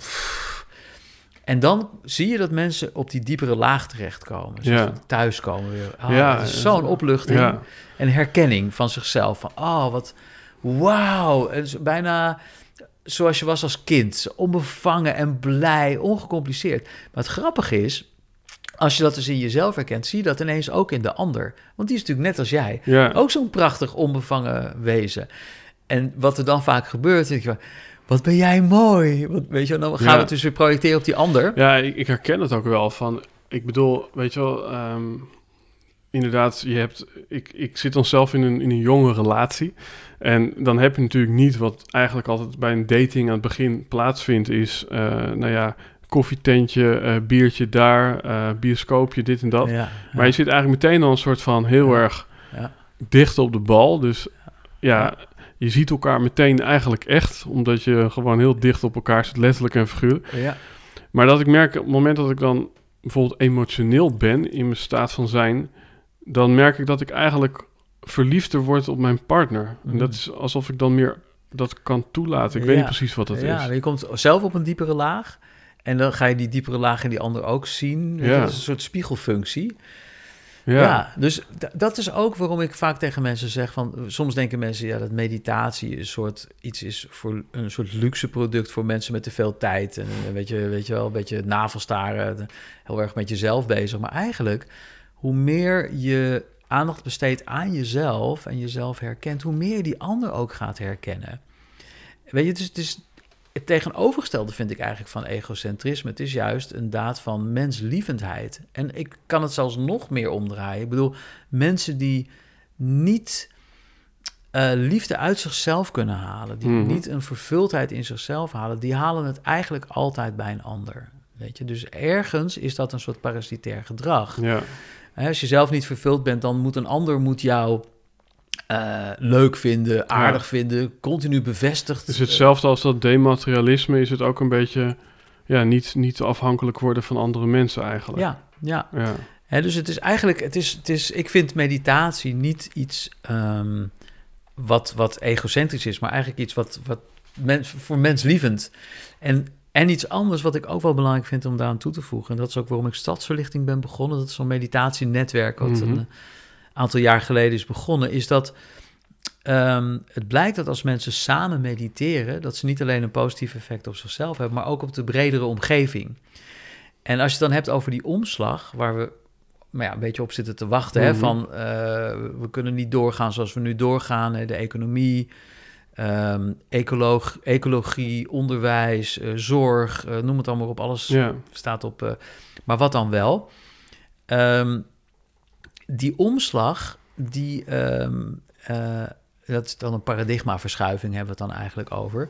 Die wordt altijd, als je terugkijkt op de geschiedenis, door een heel relatief klein percentage van de bevolking veroorzaakt. Hè. Dus 3, 4 procent van de bevolking Een soort early adapters. ja, de early Ja. adapters. Hè, en de, de, de, hoe noem je zoiets? De, de kritische massa. Maar dat is maar Mhm. een heel klein... eh, het is niet zo dat 100% van de mensen het moeten vatten... maar als 3, 4, 5% het vat... dan ineens slaat het paradigma om. Ja, want we gaan dus blijkbaar niet helemaal gelijk op in ons bewustzijn met z'n allen. Want we hebben toch een soort collectieve verandering. Ja. Maar zit jij bij wijze van spreken in bewustzijnslevel 6 en ik in level 3, zou je dat kunnen zeggen? Ja, nou ja het, ja, het is eigenlijk die piramide van Maslow. Weet je? Dus, Mhm. dus de top van de piramide... daar zitten wij Nederlanders over het algemeen. Mhm. hè, zou je kunnen zeggen, dat is zelfactualisatie. Nou, de meeste mensen op de aarde zitten daar niet. Niet omdat het slechte mensen zijn, maar die zijn gewoon bezig met overleven. Dus die zitten in die onderste lagen van de piramide. Ja. Wij hebben hier de mazzel dat we in die... eh, of dat hebben we misschien zelf gecreëerd hoor, maar oké... in die top van die piramide zitten. Dat betekent dus dat we de mogelijkheid hebben tot zelfactualisatie. Eigenlijk Ja, de dingen waar ja, we het nu ja. over hebben. Dan kun je zeggen van... Dat hoor ik namelijk wel eens mensen zeggen van... ja, maar eh, wij kunnen hier dan wel eh, leuk met spiritualiteit aan de gang... en met mindfulness. Maar ja, die mensen in Afrika... eh, alsof dat een reden is om het niet te doen, Mhm, weet je mhm. wel. Maar in feite is dat een reden om het juist te doen. De het feit dat wij de mogelijkheid hebben Ja, om ja, ja. tot zelfontplooiing en zelfactualisatie te komen, maakt namelijk dat je die hele piramide omhoog trekt. Want uiteindelijk willen we daar allemaal naartoe. Ja, want het lijkt dus net hè, van buitenaf alsof die piramide, alsof we nu allemaal ineens met gezondheid, honger, dorst en overleven bezig zijn door de, door de crisis. Is, Ja. is dat ook zo? Of gaan we uiteindelijk toch, is dat ook weer gezichtsbedrog, zeg maar? Nou, ik denk dat, dat eh, dit te maken heeft met dat dat controlesysteem ons eh, eh, heel graag eronder wil houden. En dat is niet per se ehm, alleen maar een complot of zo. Dat is niet per se dat er mensen aan, aan de Hele touwtjes... boze het- mensen, ja, nee, nee. nee, die zijn er wel hoor, denk ik. Maar ik denk dat het heeft heel erg met het systeem te maken waarin we zitten. Dus bijvoorbeeld een economisch systeem waarin we Ja. zitten die gewoon gebouwd is om een hele, Ja. hele grote groep Het is mensen gewoon in een, gro- te groot houden. vrachtschip wat eigenlijk nauwelijks van koers wijzigt, omdat het het altijd al zo is gedaan. Ja. Precies. En dus wat er gebeurt op het moment dat, dat eh, er aan het systeem gemorreld wordt en het duidelijk aan het worden is van hé, hey, maar er zijn een heleboel mensen nu wakker aan het worden. Eh, en het lijkt erop alsof er een koersverandering. Dan, heeft, Ja. dan hebben een heleboel mensen iets van nee, nee, nee, nee, nee, dat willen we juist niet. Dus het wordt even erger. En dat zie je. Hè? Dus Mhm. we hebben nog nooit zoveel censuur gehad, bijvoorbeeld, als nu. Mhm. Weet je, ineens mag je niet meer gewoon je, je mening uit over een, een aantal dingen. Dat is echt ongekend. Dus de, het, het, het controlesysteem en de hiërarchie en het top-down en, enzovoort wordt erger. Maar uiteindelijk in het grote plaatje denk ik dat dat een goede ontwikkeling is, omdat het gewoon heel zichtbaar voor ons gaat worden van oké, dit is er eigenlijk altijd geweest, alleen het is nooit zo obvious geweest. En Ja. nu wordt het heel zichtbaar. Oké, hoe gaan we ons daartoe Ja, want het is ook inderdaad mooi dat bijvoorbeeld... ah, ik heb dan wel eens gelezen dat bijvoorbeeld het uitlekken van... Nou, wat er in een conferentie gezegd gaat worden... Nou ja, ook daar weet ik dan niet van in de categorie fake nieuws of dat fake nieuws is. Maar dat dat expres wordt gedaan omdat ze op die manier toetsen aan de massa. Ja, eh, hoe ze erop reageren. Ja. Maar daardoor wordt wellicht ook transparanter wat er daar allemaal gebeurt. Ja. Ehm, en dat is misschien inderdaad goed. Dat we, dat wij spreken de overheid wat meer in de huiskamer kijkt wat de temperatuur is. Maar ook dat wij wat beter gaan zien wat er ja, eh, achter die gesloten deuren gebeurt. Dat is wellicht ook weer een goede ontwikkeling. En ik denk ook wel dat ze, dat ze gewoon ook wel een beetje kijken hoe ver kunnen we gaan. Weet je, nou ja, het, het, gaat, het gaat wellicht uh, bij al die dingen waar we in het gesprek over hebben, over uh, ja, een stukje autonoom nadenken. Precies. Uh, in plaats van inderdaad ja, afhankelijk worden en dingen doen waarvan we eigenlijk niet bewust zijn. Want dan komt het woord bewustzijn, waar we het gesprek zo mooi begonnen, weer. Ja. Dus ik denk uiteindelijk, het gaat er misschien om dat we met z'n allen wat bewuster worden. Ja. Um, in die categorie zijn er eigenlijk nog twee thema's voor, voordat we dit uh, een mooi gesprek uh, afronden. Eén uh, is je functie. Dat vind ik, um, dan moet ik ook weer even aan de cursus denken. Laat mij mijn functie niet vergeten. Mm. Dus je, je hebt misschien een aardse functie. Maar ook door alles wat er nu gebeurt, zijn er heel veel mensen die hun baan uh, verliezen. Of hun baan zal voorgoed veranderen. Ja. Um, en daarmee komt denk ik ook voor heel veel mensen, als je het dan toch hebt over dat ja, naar binnen kijken van wie ben ik uh, in het geheel. Dus, dus, dus wat, wat voor baan moet ik eigenlijk hebben? Ja. Um, ja. Oh shit, ik, ik werkte 30 jaar daar, maar daar kan ik niet meer verder nu. Ja. Um, wat, dus wat, wat zou je mensen ja. willen meegeven op, op, als ze op, de, op ontdekkingstocht willen gaan, hoe ze enerzijds gebruik maken van hun talent en anderzijds ja, dienstbaar willen blijven aan de mensen om hen heen? Nou ja, weet je, wat jij zegt, hè, dus mensen verliezen bijvoorbeeld na 30 jaar hun baan. Dat is heel pijnlijk. Maar aan de andere kant kun je ook zeggen van, hè, dat was uiteindelijk was dat niet wie jij bent. Jij bent, mhm. jij bent niet uh, boekhouder. Ik was een tijdje geleden moest ik een lezing geven en het bleek op een VVD-congres te zijn. Dat was ik maar niet, niet zo van bewust totdat ik er stond. En toen zei ik, toen hoorde ik mezelf op een gegeven moment zeggen: niemand wordt als VVD'er geboren. Er is geen kind wat uit de baarmoeder komt met zo'n oranje-blauwe das. Weet je wel?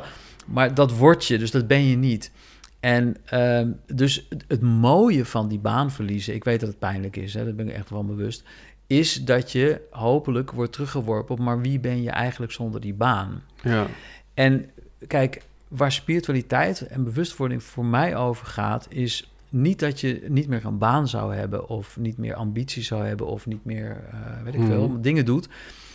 Maar dat dat wat je doet in het leven voortkomt uit wie je bent. Mhm. Dus, dus op het moment dat jij jezelf gaat herkennen als, als ziel, dan ga je vanzelf de dingen doen die passen bij jouw ziel, bij jouw zielsmissie, zeg maar. En nu is het zo dat heel veel mensen volgens mij dingen doen die ze eigenlijk diep in hun hart niet willen. Ik denk mhm. dat er heel veel mensen zijn die banen hebben of, of dingen doen in hun leven, uh, eh, 40 uur per week, maar als je, als je zou vragen van, is dat eigenlijk waarom je hier bent? Weet je, deep down, hè? Mhm. Gewoon echt even gewetensvragen. Ben jij naar de aarde gekomen om... Nou, vul maar in.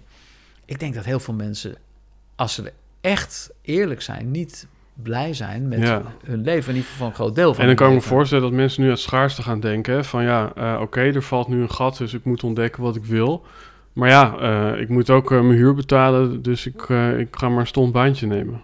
Ja, ja, precies. En, maar de, de kunst is dus om, um, en dat is dus weer de crisis waar we het net over. Een crisis is altijd chaotisch. Mm En, en het is een periode van niet weten. En dat is een van de moeilijkste dingen om mee om te gaan. We willen heel graag controle. We willen het snappen. We willen het weten. We willen een oplossing. Zo snel mogelijk.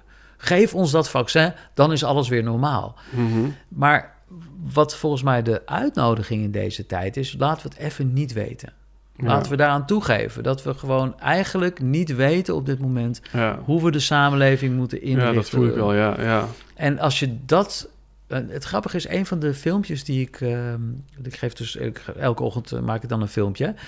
En ik weet nog dat een van de filmpjes die ik uh, toen postte, die ging hier ook over. Van het belang of het fijne van het niet te weten hoe lekker het eigenlijk is om het gewoon niet te weten. Om, ik snap er geen fuck van. Geen idee, weet je wat ik nou precies moet doen.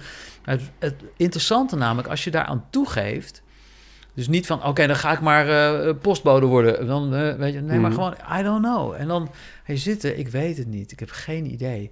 En dat geeft op een bepaalde manier zo'n rust. Ja. Want die mind wil het allemaal maar snappen en weten. En dat is natuurlijk ook, uh, ja, bedoel, liep er net zo'n leuk hondje, maar die weet...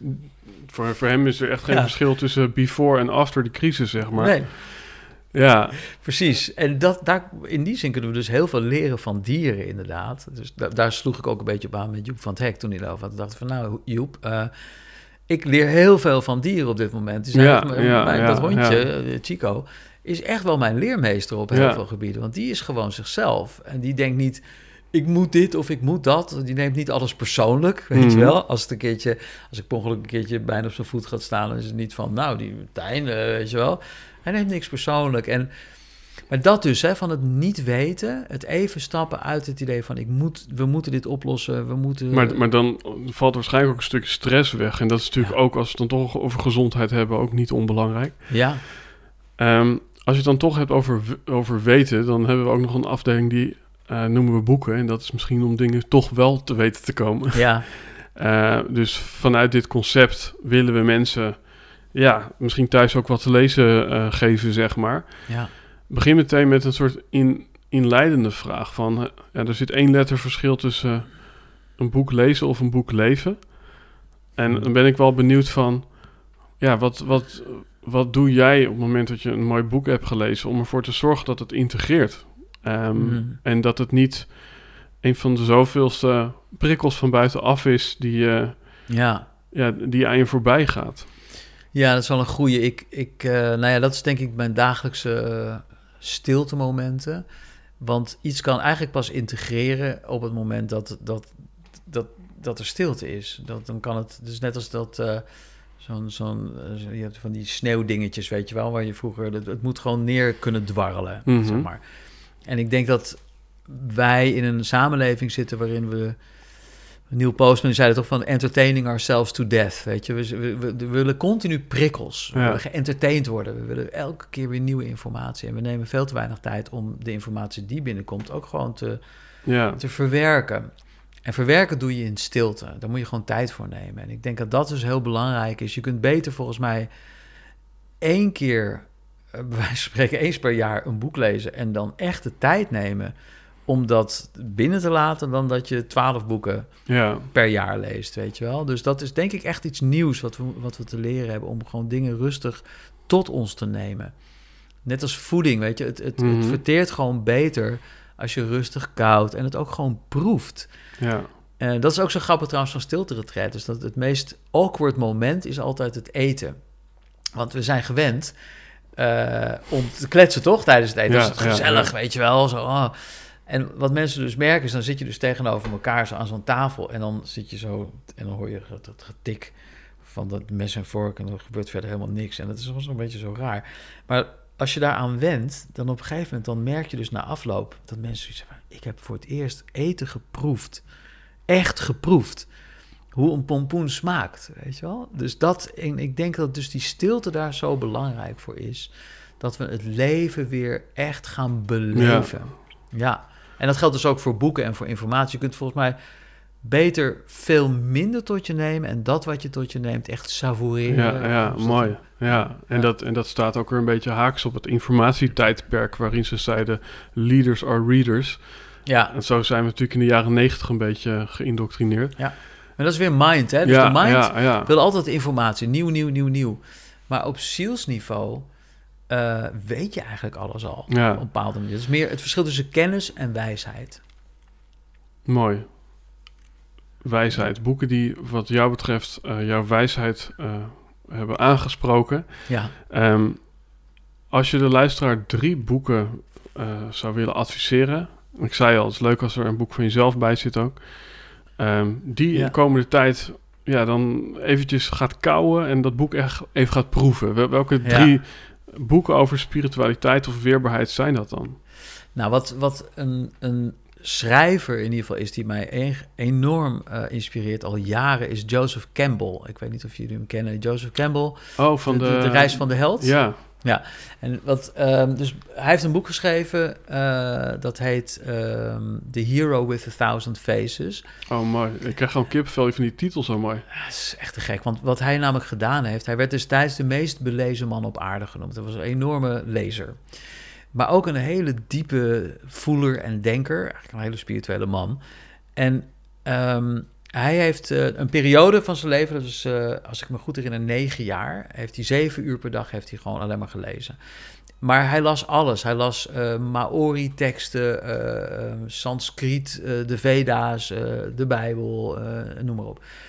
En hij kwam erachter na een paar jaar dat hij eigenlijk steeds hetzelfde verhaal aan het lezen was. Dat al die sprookjes, mythes, sages, legendes, romans uh, van helden, het zijn ook vaak helden, hè, die dan op weg zijn naar uh, hun bestemming, hun hoogste bestemming, naar uh, het vinden van de graal of de liefde of succes of mm -hmm. whatever, fontein der eeuwige jeugd, wat het ook is, dat die dezelfde fases doorlopen om daar te komen. Mm -hmm. archetypische fases doorgaan, inwijdingen moeten ondergaan om daar te komen. En dat die universeel zijn. En hij, hij, hij kwam er dus achter dat er onder al die verhalen, die ogenschijnlijk heel anders zijn, een, een oerverhaal ligt. En dat noemde hij de monomythe. En hij heeft die monomythe in kaart gebracht. In, hij, hij heeft dus de verschillende stappen die wij allemaal doorlopen om uiteindelijk naar die hoogste bestemming te komen, gewoon in kaart gebracht. Tof. En dat noemde hij dus de, de reis van de held, The Hero's Journey of The Hero with a Thousand Faces. En dat boek, The Hero with a Thousand Faces, dat is op een gegeven moment is dat ook de Bijbel van Hollywood genoemd, omdat scriptschrijvers het ook gingen gebruiken om te kijken of hun scripts goed Tof, waren. Ja. ja. Nou, Joseph Campbell, dus ik, ik, ik heb zijn werk best wel bestudeerd en ik geef ook vaak lezingen hierover, The Hero with a Thousand Faces, waarin ik dus in, uh, weet ik veel, anderhalf, twee uur tijd mensen die stappen uitleg. En dat is een waanzinnig feest van herkenning. Ja. Bijna of, ja, iedereen, denk ik, is zoiets van, oh, maar daarom Ja, doe ja, ik wat ja, ik doe. Of, of daarom is, is mijn leven de afgelopen jaar zo donker. Doorloopt iedereen de reis van de held eigenlijk, eh, of die nou wil of niet in zijn leven? Ja, dat denk ik dus wel. Dus het is iets universeels. Wat, wat, het, het is het verhaal van de mens eigenlijk, Mhm. weet je, van... ehm, en, en kijk, en, en nou ja, ik kan heel kort even een paar van die fases noemen, dan herken je dat meteen. Dus eh, hij zegt, het begint met de roeping. Dus de mens, ieder van ons heeft een bepaalde missie waarmee hij Mhm. op aarde is gekomen. Waar, het is jouw roeping, waarom je hier bent. En dus dat is heel belangrijk dat je dat gaat herkennen in jezelf. Waarom ben je hier eigenlijk? Ja. Nou, dat is dus ook zo'n vraag die de meeste mensen zich niet stellen. En ehm, omdat we worden geleefd in plaats Ja. van dat we van binnenuit leven. Maar dat is dus een hele belangrijke vraag. Maar ook daar heb je stilte voor nodig. Om te gaan luisteren naar jouw ziel of jouw hart. Waarom ben ik hier eigenlijk? Nou, op het moment dat je dat weet, zegt Campbell, dan is de volgende stap dat je de oude macht moet overwinnen. De, de, de guardians on the threshold, op de drempel. En de oude macht zal er namelijk alles aan doen om je daarvan te weerhouden. Ja. Weet je, want jij gaat uit je hokje stappen. Nou, je vrienden gaan dan zeggen, joh, doe niet zo gek, want eh, vroeger was je zo leuk en eh, eh, Hmm. lekker drinken in de Ja, kroeg en nu ja, ben je opeens zo serieus en dan wil je alleen nog maar een mooie podcast maken. Doe even normaal. En, kan toch allemaal niet en geld en bla bla. En eh, nou ja, goed. En zo, Ja. weet je wel, heeft dus die, en iedereen herkent dat op de een Mhm. of andere manier. Dus dat is, eh, dus dat boek, eh, die schrijver Joseph Campbell. ehm, en het is ook heel leuk omdat je dan op een hele andere manier ook naar films gaat kijken. Dus The Matrix bijvoorbeeld is helemaal Joseph Campbell. Star Oh. Wars, ja. Ehm, en wat een boek, dat is vrij recent eigenlijk, ben ik een aantal boeken gaan lezen van een vrouw die heet ehm, ehm, Dolores Cannon. En Dolores Cannon die is, ehm, was een van de beste hypnotherapeuten ter wereld. En hypnotherapie betekent eigenlijk dat je iemand in een soort trance staat brengt, waardoor het ego even weg is en je gewoon kunt vragen aan die persoon van ja, wat, wat scheelt er eigenlijk aan? Weet je, wat is, Ja. wat is het probleem eigenlijk? Wat, eh, en wat zij merkte is dat er dus ook heel veel vorige levens naar voren kwamen. En eh, ze kreeg dus heel veel informatie over die vorige levens. En vaak verklaarde dat eh, heel goed waarom iemand in dit leven dysfunctioneert. Mhm. Of, of bijvoorbeeld steeds de verkeerde beslissingen neemt. Of, of, of gefrustreerd is of wha- whatever. Maar, en dit vind ik dus zo interessant, is dat zij op een gegeven moment... Wat zij dan deed is, dan kwam iemand in een ander leven terecht en dan vroeg ze van... eh, oké, kijk even naar je voeten. Wat voor schoenen heb je aan? Wat voor broek heb je aan? Waar, kijk eens om je heen. Waar ben je nu? En daaruit kon ze dan een beetje opmaken... oh, dit is eh 1400 Europa, een arbeider of whatever, zoiets, hè? Maar op een gegeven moment kregen ze dus ook mensen van... eh, kijk eens even naar je voeten, zie je? Eh, ja, ik zie dus drie tenen... En eh, als ik om me heen kijk, twee zonnen en de kleur van de planeet, ja, een beetje roodachtig. Dus van, dat is helemaal niet de aarde. En, Buitenaards leven. Ja, het is buitenaards Ja. leven. En zij heeft dus duizenden en duizenden en duizenden mensen eh, in die transstaat gebracht. En daar is op een gegeven moment echt een heel duidelijke lijn voor haar uitgekomen. Ten eerste dus dat er buitenaards leven is. En ook heel gedetailleerd beschreven hoe die samenleving, Mhm. hoe dat eruit zag. Het is nog steeds inderdaad eigenlijk eh, armoedig om te denken dat wij hier in het universum de enige zijn. Ja, maar laten we eerlijk zijn. Ik bedoel, het is ook best wel absurd om te denken dat we alleen zijn. Dus als, je, als je weet hoe weinig wij kunnen waarnemen, weet je wel, gewoon met onze fysieke zintuigen. Dat is geloof ik 0,001% van het lichtspectrum. Ja. En het lichtspectrum is dan weer 0,001% van het hele geheel. Dit is gewoon wetenschap. Hè? Dit, Mhm. dit zal elke wetenschapper die een beetje daar... eh, ehm, dit is geen woewoe of zo. Dus om met dat kleine beetje wat wij kunnen waarnemen te concluderen Ja, dat wij de ja. enige hier zijn, is natuurlijk gewoon onzin. Nou ja, goed. En dat, eh, dat, dat bevestigt dus haar, eh, dat bevestigt haar cliënten dus ook. Dat er dus veel meer is dan allerlei rassen en samenlevingen. Wat ik super fascinerend vond. Er is echt een wereld toen voor mij opengegaan. Maar wat ook heel fascinerend is, is dat zij erachter kwam dat heel veel van de mensen die hier op aarde zijn, jij en, jij en ik, eh, al heel veel buitenaards levens hebben gehad. Eh, niet allemaal, maar heel veel wel. Dus toch. Ja, maar ook eh, hier gekomen zijn vanuit een hogere dimensie. Want eigenlijk, nou ja, wij leven dan in 3D, maar je hebt natuurlijk ook 4, 5, 6, 10, Mhm. I, don't, I don't know hoe ver dat doorgaat. Ehm, die hier naartoe gekomen zijn, naar de aarde, om in deze tijd een rol te spelen, om de mensheid te helpen om ook naar die hogere frequenties toe te gaan. En wat, waar zij dus achter kwam, is dat er drie golven van vrijwilligers eh, hier op aarde zijn gekomen. Dus de eerste golf is een beetje mijn generatie, maar eigenlijk net even wat ouder, 70, 80 nu. Die hebben het allermoeilijkste gehad. Dus dat zijn de, ook de hippies en de babyboomers. Die voor het eerst eigenlijk zijn begonnen over Love and Peace Generation. Weet je, Ja. de, nou ja, de, de hippie-generatie. En ehm, maar die hebben het heel zwaar gehad, omdat die eh, in, in een wereld kwamen die best wel heel donker was. Twee wereldoorlogen enzovoort. Nou, dan de tweede generatie, dat zijn meer wij dan. eh, Mhm. Die hebben het al ietsjes makkelijker. En de kinderen van nu, die gaan het uiteindelijk doen. Dus dat zijn de... Ik had het net over Christina von Draaien bijvoorbeeld, eh, die ik dan in- net in Zwitserland heb ontmoet. En zij vertelt dat er op dit moment over de hele wereld miljoenen kinderen zijn die al veel verder in hun ontwikkeling zijn. Ja. eh, die echt zichzelf ook herkennen als, nou ja, laten we zeggen, buitenaards. In de zin van multidimensionaal, niet alleen maar van de aarde. En dus ook kwaliteiten en eigenschappen hebben. Waarvan zij zelf dus ook zeggen van dit kunnen jullie ook. Jullie zijn, jullie zijn dat ook. Alleen de reden waarom dat bij ons nu aanstaat... is omdat wij in een hogere frequentie zitten. Dus als je je frequentie omhoog brengt... dus uit angst stappen, dat is het allerbelangrijkste. Niet in die angst en in zorg en in die mind... dan gaat het ook allemaal aan bij jullie. Ja, mooi. Dus dat is wat ik van Dolores Cannon heb geleerd. En ik vind dat eh, super fascinerend. Ja, laten we na afloop van deze uitzending... Ik zet ze allemaal in de show notes. Dus Ja. eh, dan Ja. hoeft, hoeft de luisteraar het niet allemaal te onthouden. Precies. En dan is het misschien mooi om als laatste... ehm, en dan heb ik daarna nog één vraag aan je. Maar Ja. als laatste... Ja, waarom niet gewoon ook een boek van jezelf? En, en welke Nou is het dan? Dat, dat is dan Timebender. Dat is dan mijn laatste boek. En dat sluit eigenlijk heel, heel mooi hierop aan. Want dat is het eerste boek wat ik heb geschreven... wat ook helemaal hierover gaat. Over de tijd waarin we leven. Ehm, die hele buitenaardse connectie... die nu volgens mij... ehm, als je het dan hebt over het nieuwe paradigma... ik denk dat dit de nieuwe golf Zo'n gaat roman, worden. toch? Het is een roman, ja. En de reden, dat is de eerste roman die ik heb geschreven. Mijn, Mhm. mijn andere zes boeken waren meer journalistiek eh, werk, zou je kunnen zeggen. En de reden waarom ik het als roman heb geschreven... is omdat ik dacht van ja, als ik dit op dezelfde manier... zo van, nou, dames en heren... dan eh, heb je kans dat ik heel snel in het, weet ik veel... Nou, dat is wel eh, grappig dat je dat zegt. want Waar, waar, waar, het doet me een beetje denken aan dat eh, boek Buitenaardse Beschaving. Ken je dat? Nee, Dat is een boek uit de jaren zeventig. En dat is eigenlijk een voorspelling van waar we nu zitten. oh ja. En eigenlijk gaat het nog iets verder zelfs. Dat we het helemaal anders gaan inrichten, zodat we veel duurzamer kunnen leven. Ja. En dat je in, die, in dat boek kom je bijvoorbeeld in de gevangenis. Dat is heel grappig. Als je ehm, eh, iets eh, bezit. En Oh niet, ja. niet dat je iets gestolen hebt. ja.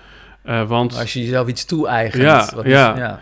En nou ja, het is in die zin heel interessant van Ja. eigenlijk de hele soort van bezitten of gebruiken maatschappij komt aan het woord. En, Ja, maar dat is ook een roman, omdat die man dacht, ik geloof dat die Stefan den Aarde, ik weet niet meer zoiets. ja. Ja, omdat, omdat die anders ook op de, de brandstapel zou komen, zeg maar. Precies. Ja, Dat is mijn motivatie ook geweest. Ik denk, nou ja, ik schrijf dit als een roman en de goede verstaander. Ja. Weet je, want er zit heel veel onderzoek En er achter. zit natuurlijk ook in heel veel fantasiefilms, bijvoorbeeld ook Batman en zo, zit ook allerlei voorspellingen. Tuurlijk. Ja. Ik bedoel, heel Hollywood, eh, het hele fenomeen van buitenaards is eigenlijk totaal niet nieuw. Alleen we verpakken het in Ja. dit soort... eh, en, ehm, en maar wat het mij geleerd heeft, denk ik, het hele onderzoek naar buitenaardse en, en timebender, is dat ehm, ehm, als je vanuit een hogere dimensie naar ons kijkt, dan is hoe wij onze samenleving hebben ingericht best wel barbaars. Ja. Weet je wel? Eh, en het fijne is dat door in contact te komen met, eh, met die buitenaardse beschavingen, eh, door bijvoorbeeld gewoon in meditatie, dat ik veel meer ben gaan zien wat de oplossingen zijn. Mhm. Want zij zijn gewoon, ze zijn niet beter dan wij, maar ze zijn gewoon een stukje verder in hun evolutie. Dus door naar hun te kijken en met, met gewoon contact met ze te maken, ehm, zie je van, oké, weet je wel, zo, daar kunnen we dus heen. Dat is dus mogelijk. Mhm. En dat is eigenlijk waar Timebender over gaat. Ehm Timebender gaat over een man, Timebender dus, die naar de aarde komt om de mensheid nu te helpen, dat setje te Ja, geven ja. van jongens. ehm, eigenlijk wat hij uitlegt is van het is een spel waarin we leven. Dus the game of life. En eh, net als een computerspel eh, heb, je van die, heb je levels. En wij zitten nu in 3D en we kunnen naar 5D. En dat doen we via, f- drie, eh, sorry, via 4D.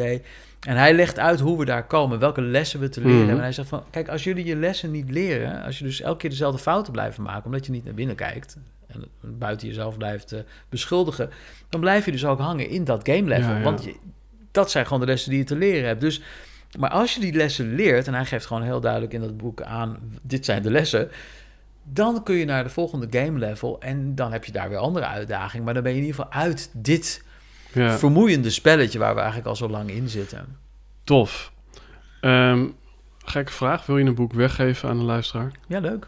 Ehm, Ja. Dan gaan we nog even... ik kijk even mijn broertje aan van eh, regie, noem ik het even. Eh, dan even een leuke vraag. Ehm, misschien op basis van deze aflevering of iets inspirerends.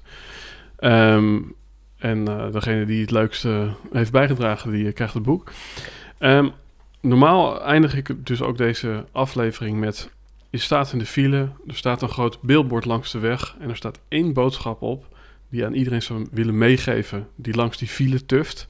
Nou ja, we staan meer in de file, we zitten thuis. Dus welke wallpapers zou je willen bedenken? En als moment, mensen ja, hun dag starten en even later die telefoon aanzetten... wat staat er dan daarop? En Misschien is het... Mooi. Ja. Ja. ja, er komen twee dingen eigenlijk in me op nu. De eerste is, je bent al lang verlicht. En de tweede is, herinner je wie je bent. maar ja, ja, en dat herinneren vind ik namelijk heel belangrijk, omdat mensen soms denken dat, dat meditatie of zo, dat het allemaal heel ingewikkeld is enzovoort. Maar het is eigenlijk niks anders dan herinneren wie je bent. Want we zijn het allemaal al lang, dus het is gewoon een kwestie van, oh ja. Het feit dat we, sorry dat ik heel even uitweid, maar het feit dat wij allemaal op aarde naar hetzelfde verlangen, elk mens verlangt naar vrede, naar liefde, naar Mhm. geluk, naar vrijheid, naar, weet je wel. Je kunt alleen maar naar iets verlangen als je het kent. Je kunt niet verlangen naar cappuccino Ja, ja, als je het nog nooit ja. hebt gedronken.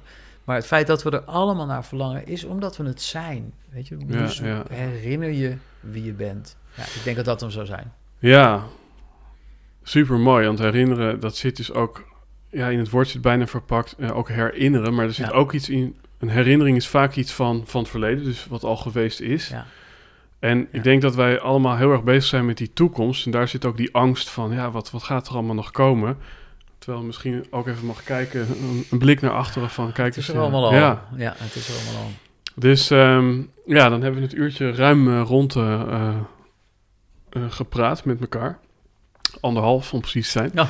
En ehm, ja, super tof om jou het echt te ontmoeten. Ik denk, ehm, ja, mijn intentie hier met deze serie is echt om ook inderdaad een optimistisch geluid te maken. En ook, wat kunnen we doen? En, en wat geeft ons dit in plaats van wat neemt het van ons? Ja. Ehm, Dus uh, ja, super dankjewel. Is er één link in het bijzonder waar je mensen naartoe zou willen sturen of verwijzen als ze met jou in contact willen komen? Um, de rest komt in de show notes. Ik denk uh, misschien wel mijn Facebook of YouTube uh, kanaal. Omdat dat, kijk, ik heb natuurlijk ook een website en zo. Mm. Maar uh, ja, daar, nee, ja, de website kan trouwens ook, want daar staan ook al mijn filmpjes op. Want waar ik op dit moment het meest, ja, trots op ben, zou je misschien kunnen zeggen, is ik ben dus vanaf 11 maart ben ik filmpjes gaan posten. Mm -hmm. Dat doe ik elke dag. Heel vroeg in de ochtend. Toch? Ja, vroeg in de ochtend. En, en daar zit zoveel inspiratie in. En dat is ook voor mij is het ja, heel inspirerend. Ja, ja. Dus dat uh, zou ik mensen echt gunnen. Dat je gewoon elke dag even, het is maar vijf minuutjes, een korte Daar filmpjes. zit ook die herinnering een beetje. Daar zit, ja, daar zit gewoon eigenlijk alles wat ik, nou ja, wat ik, wat ik heb geleerd, maar ook alles wat ik nog, nog gedownload krijg, zit daarin. Ja. Dat zou ik mensen gunnen. Ja, dan kijk ik even in de camera. Um, wil je over deze aflevering meepraten? Uh, dan, nou ja, dan weet je Tijn bij deze te vinden. En daarnaast hashtag Helden en Hordes op Facebook, Twitter, Instagram. Of laat een mooie comment of reactie achter op YouTube. En deel deze aflevering voor iedereen die even een stukje zingeving mist.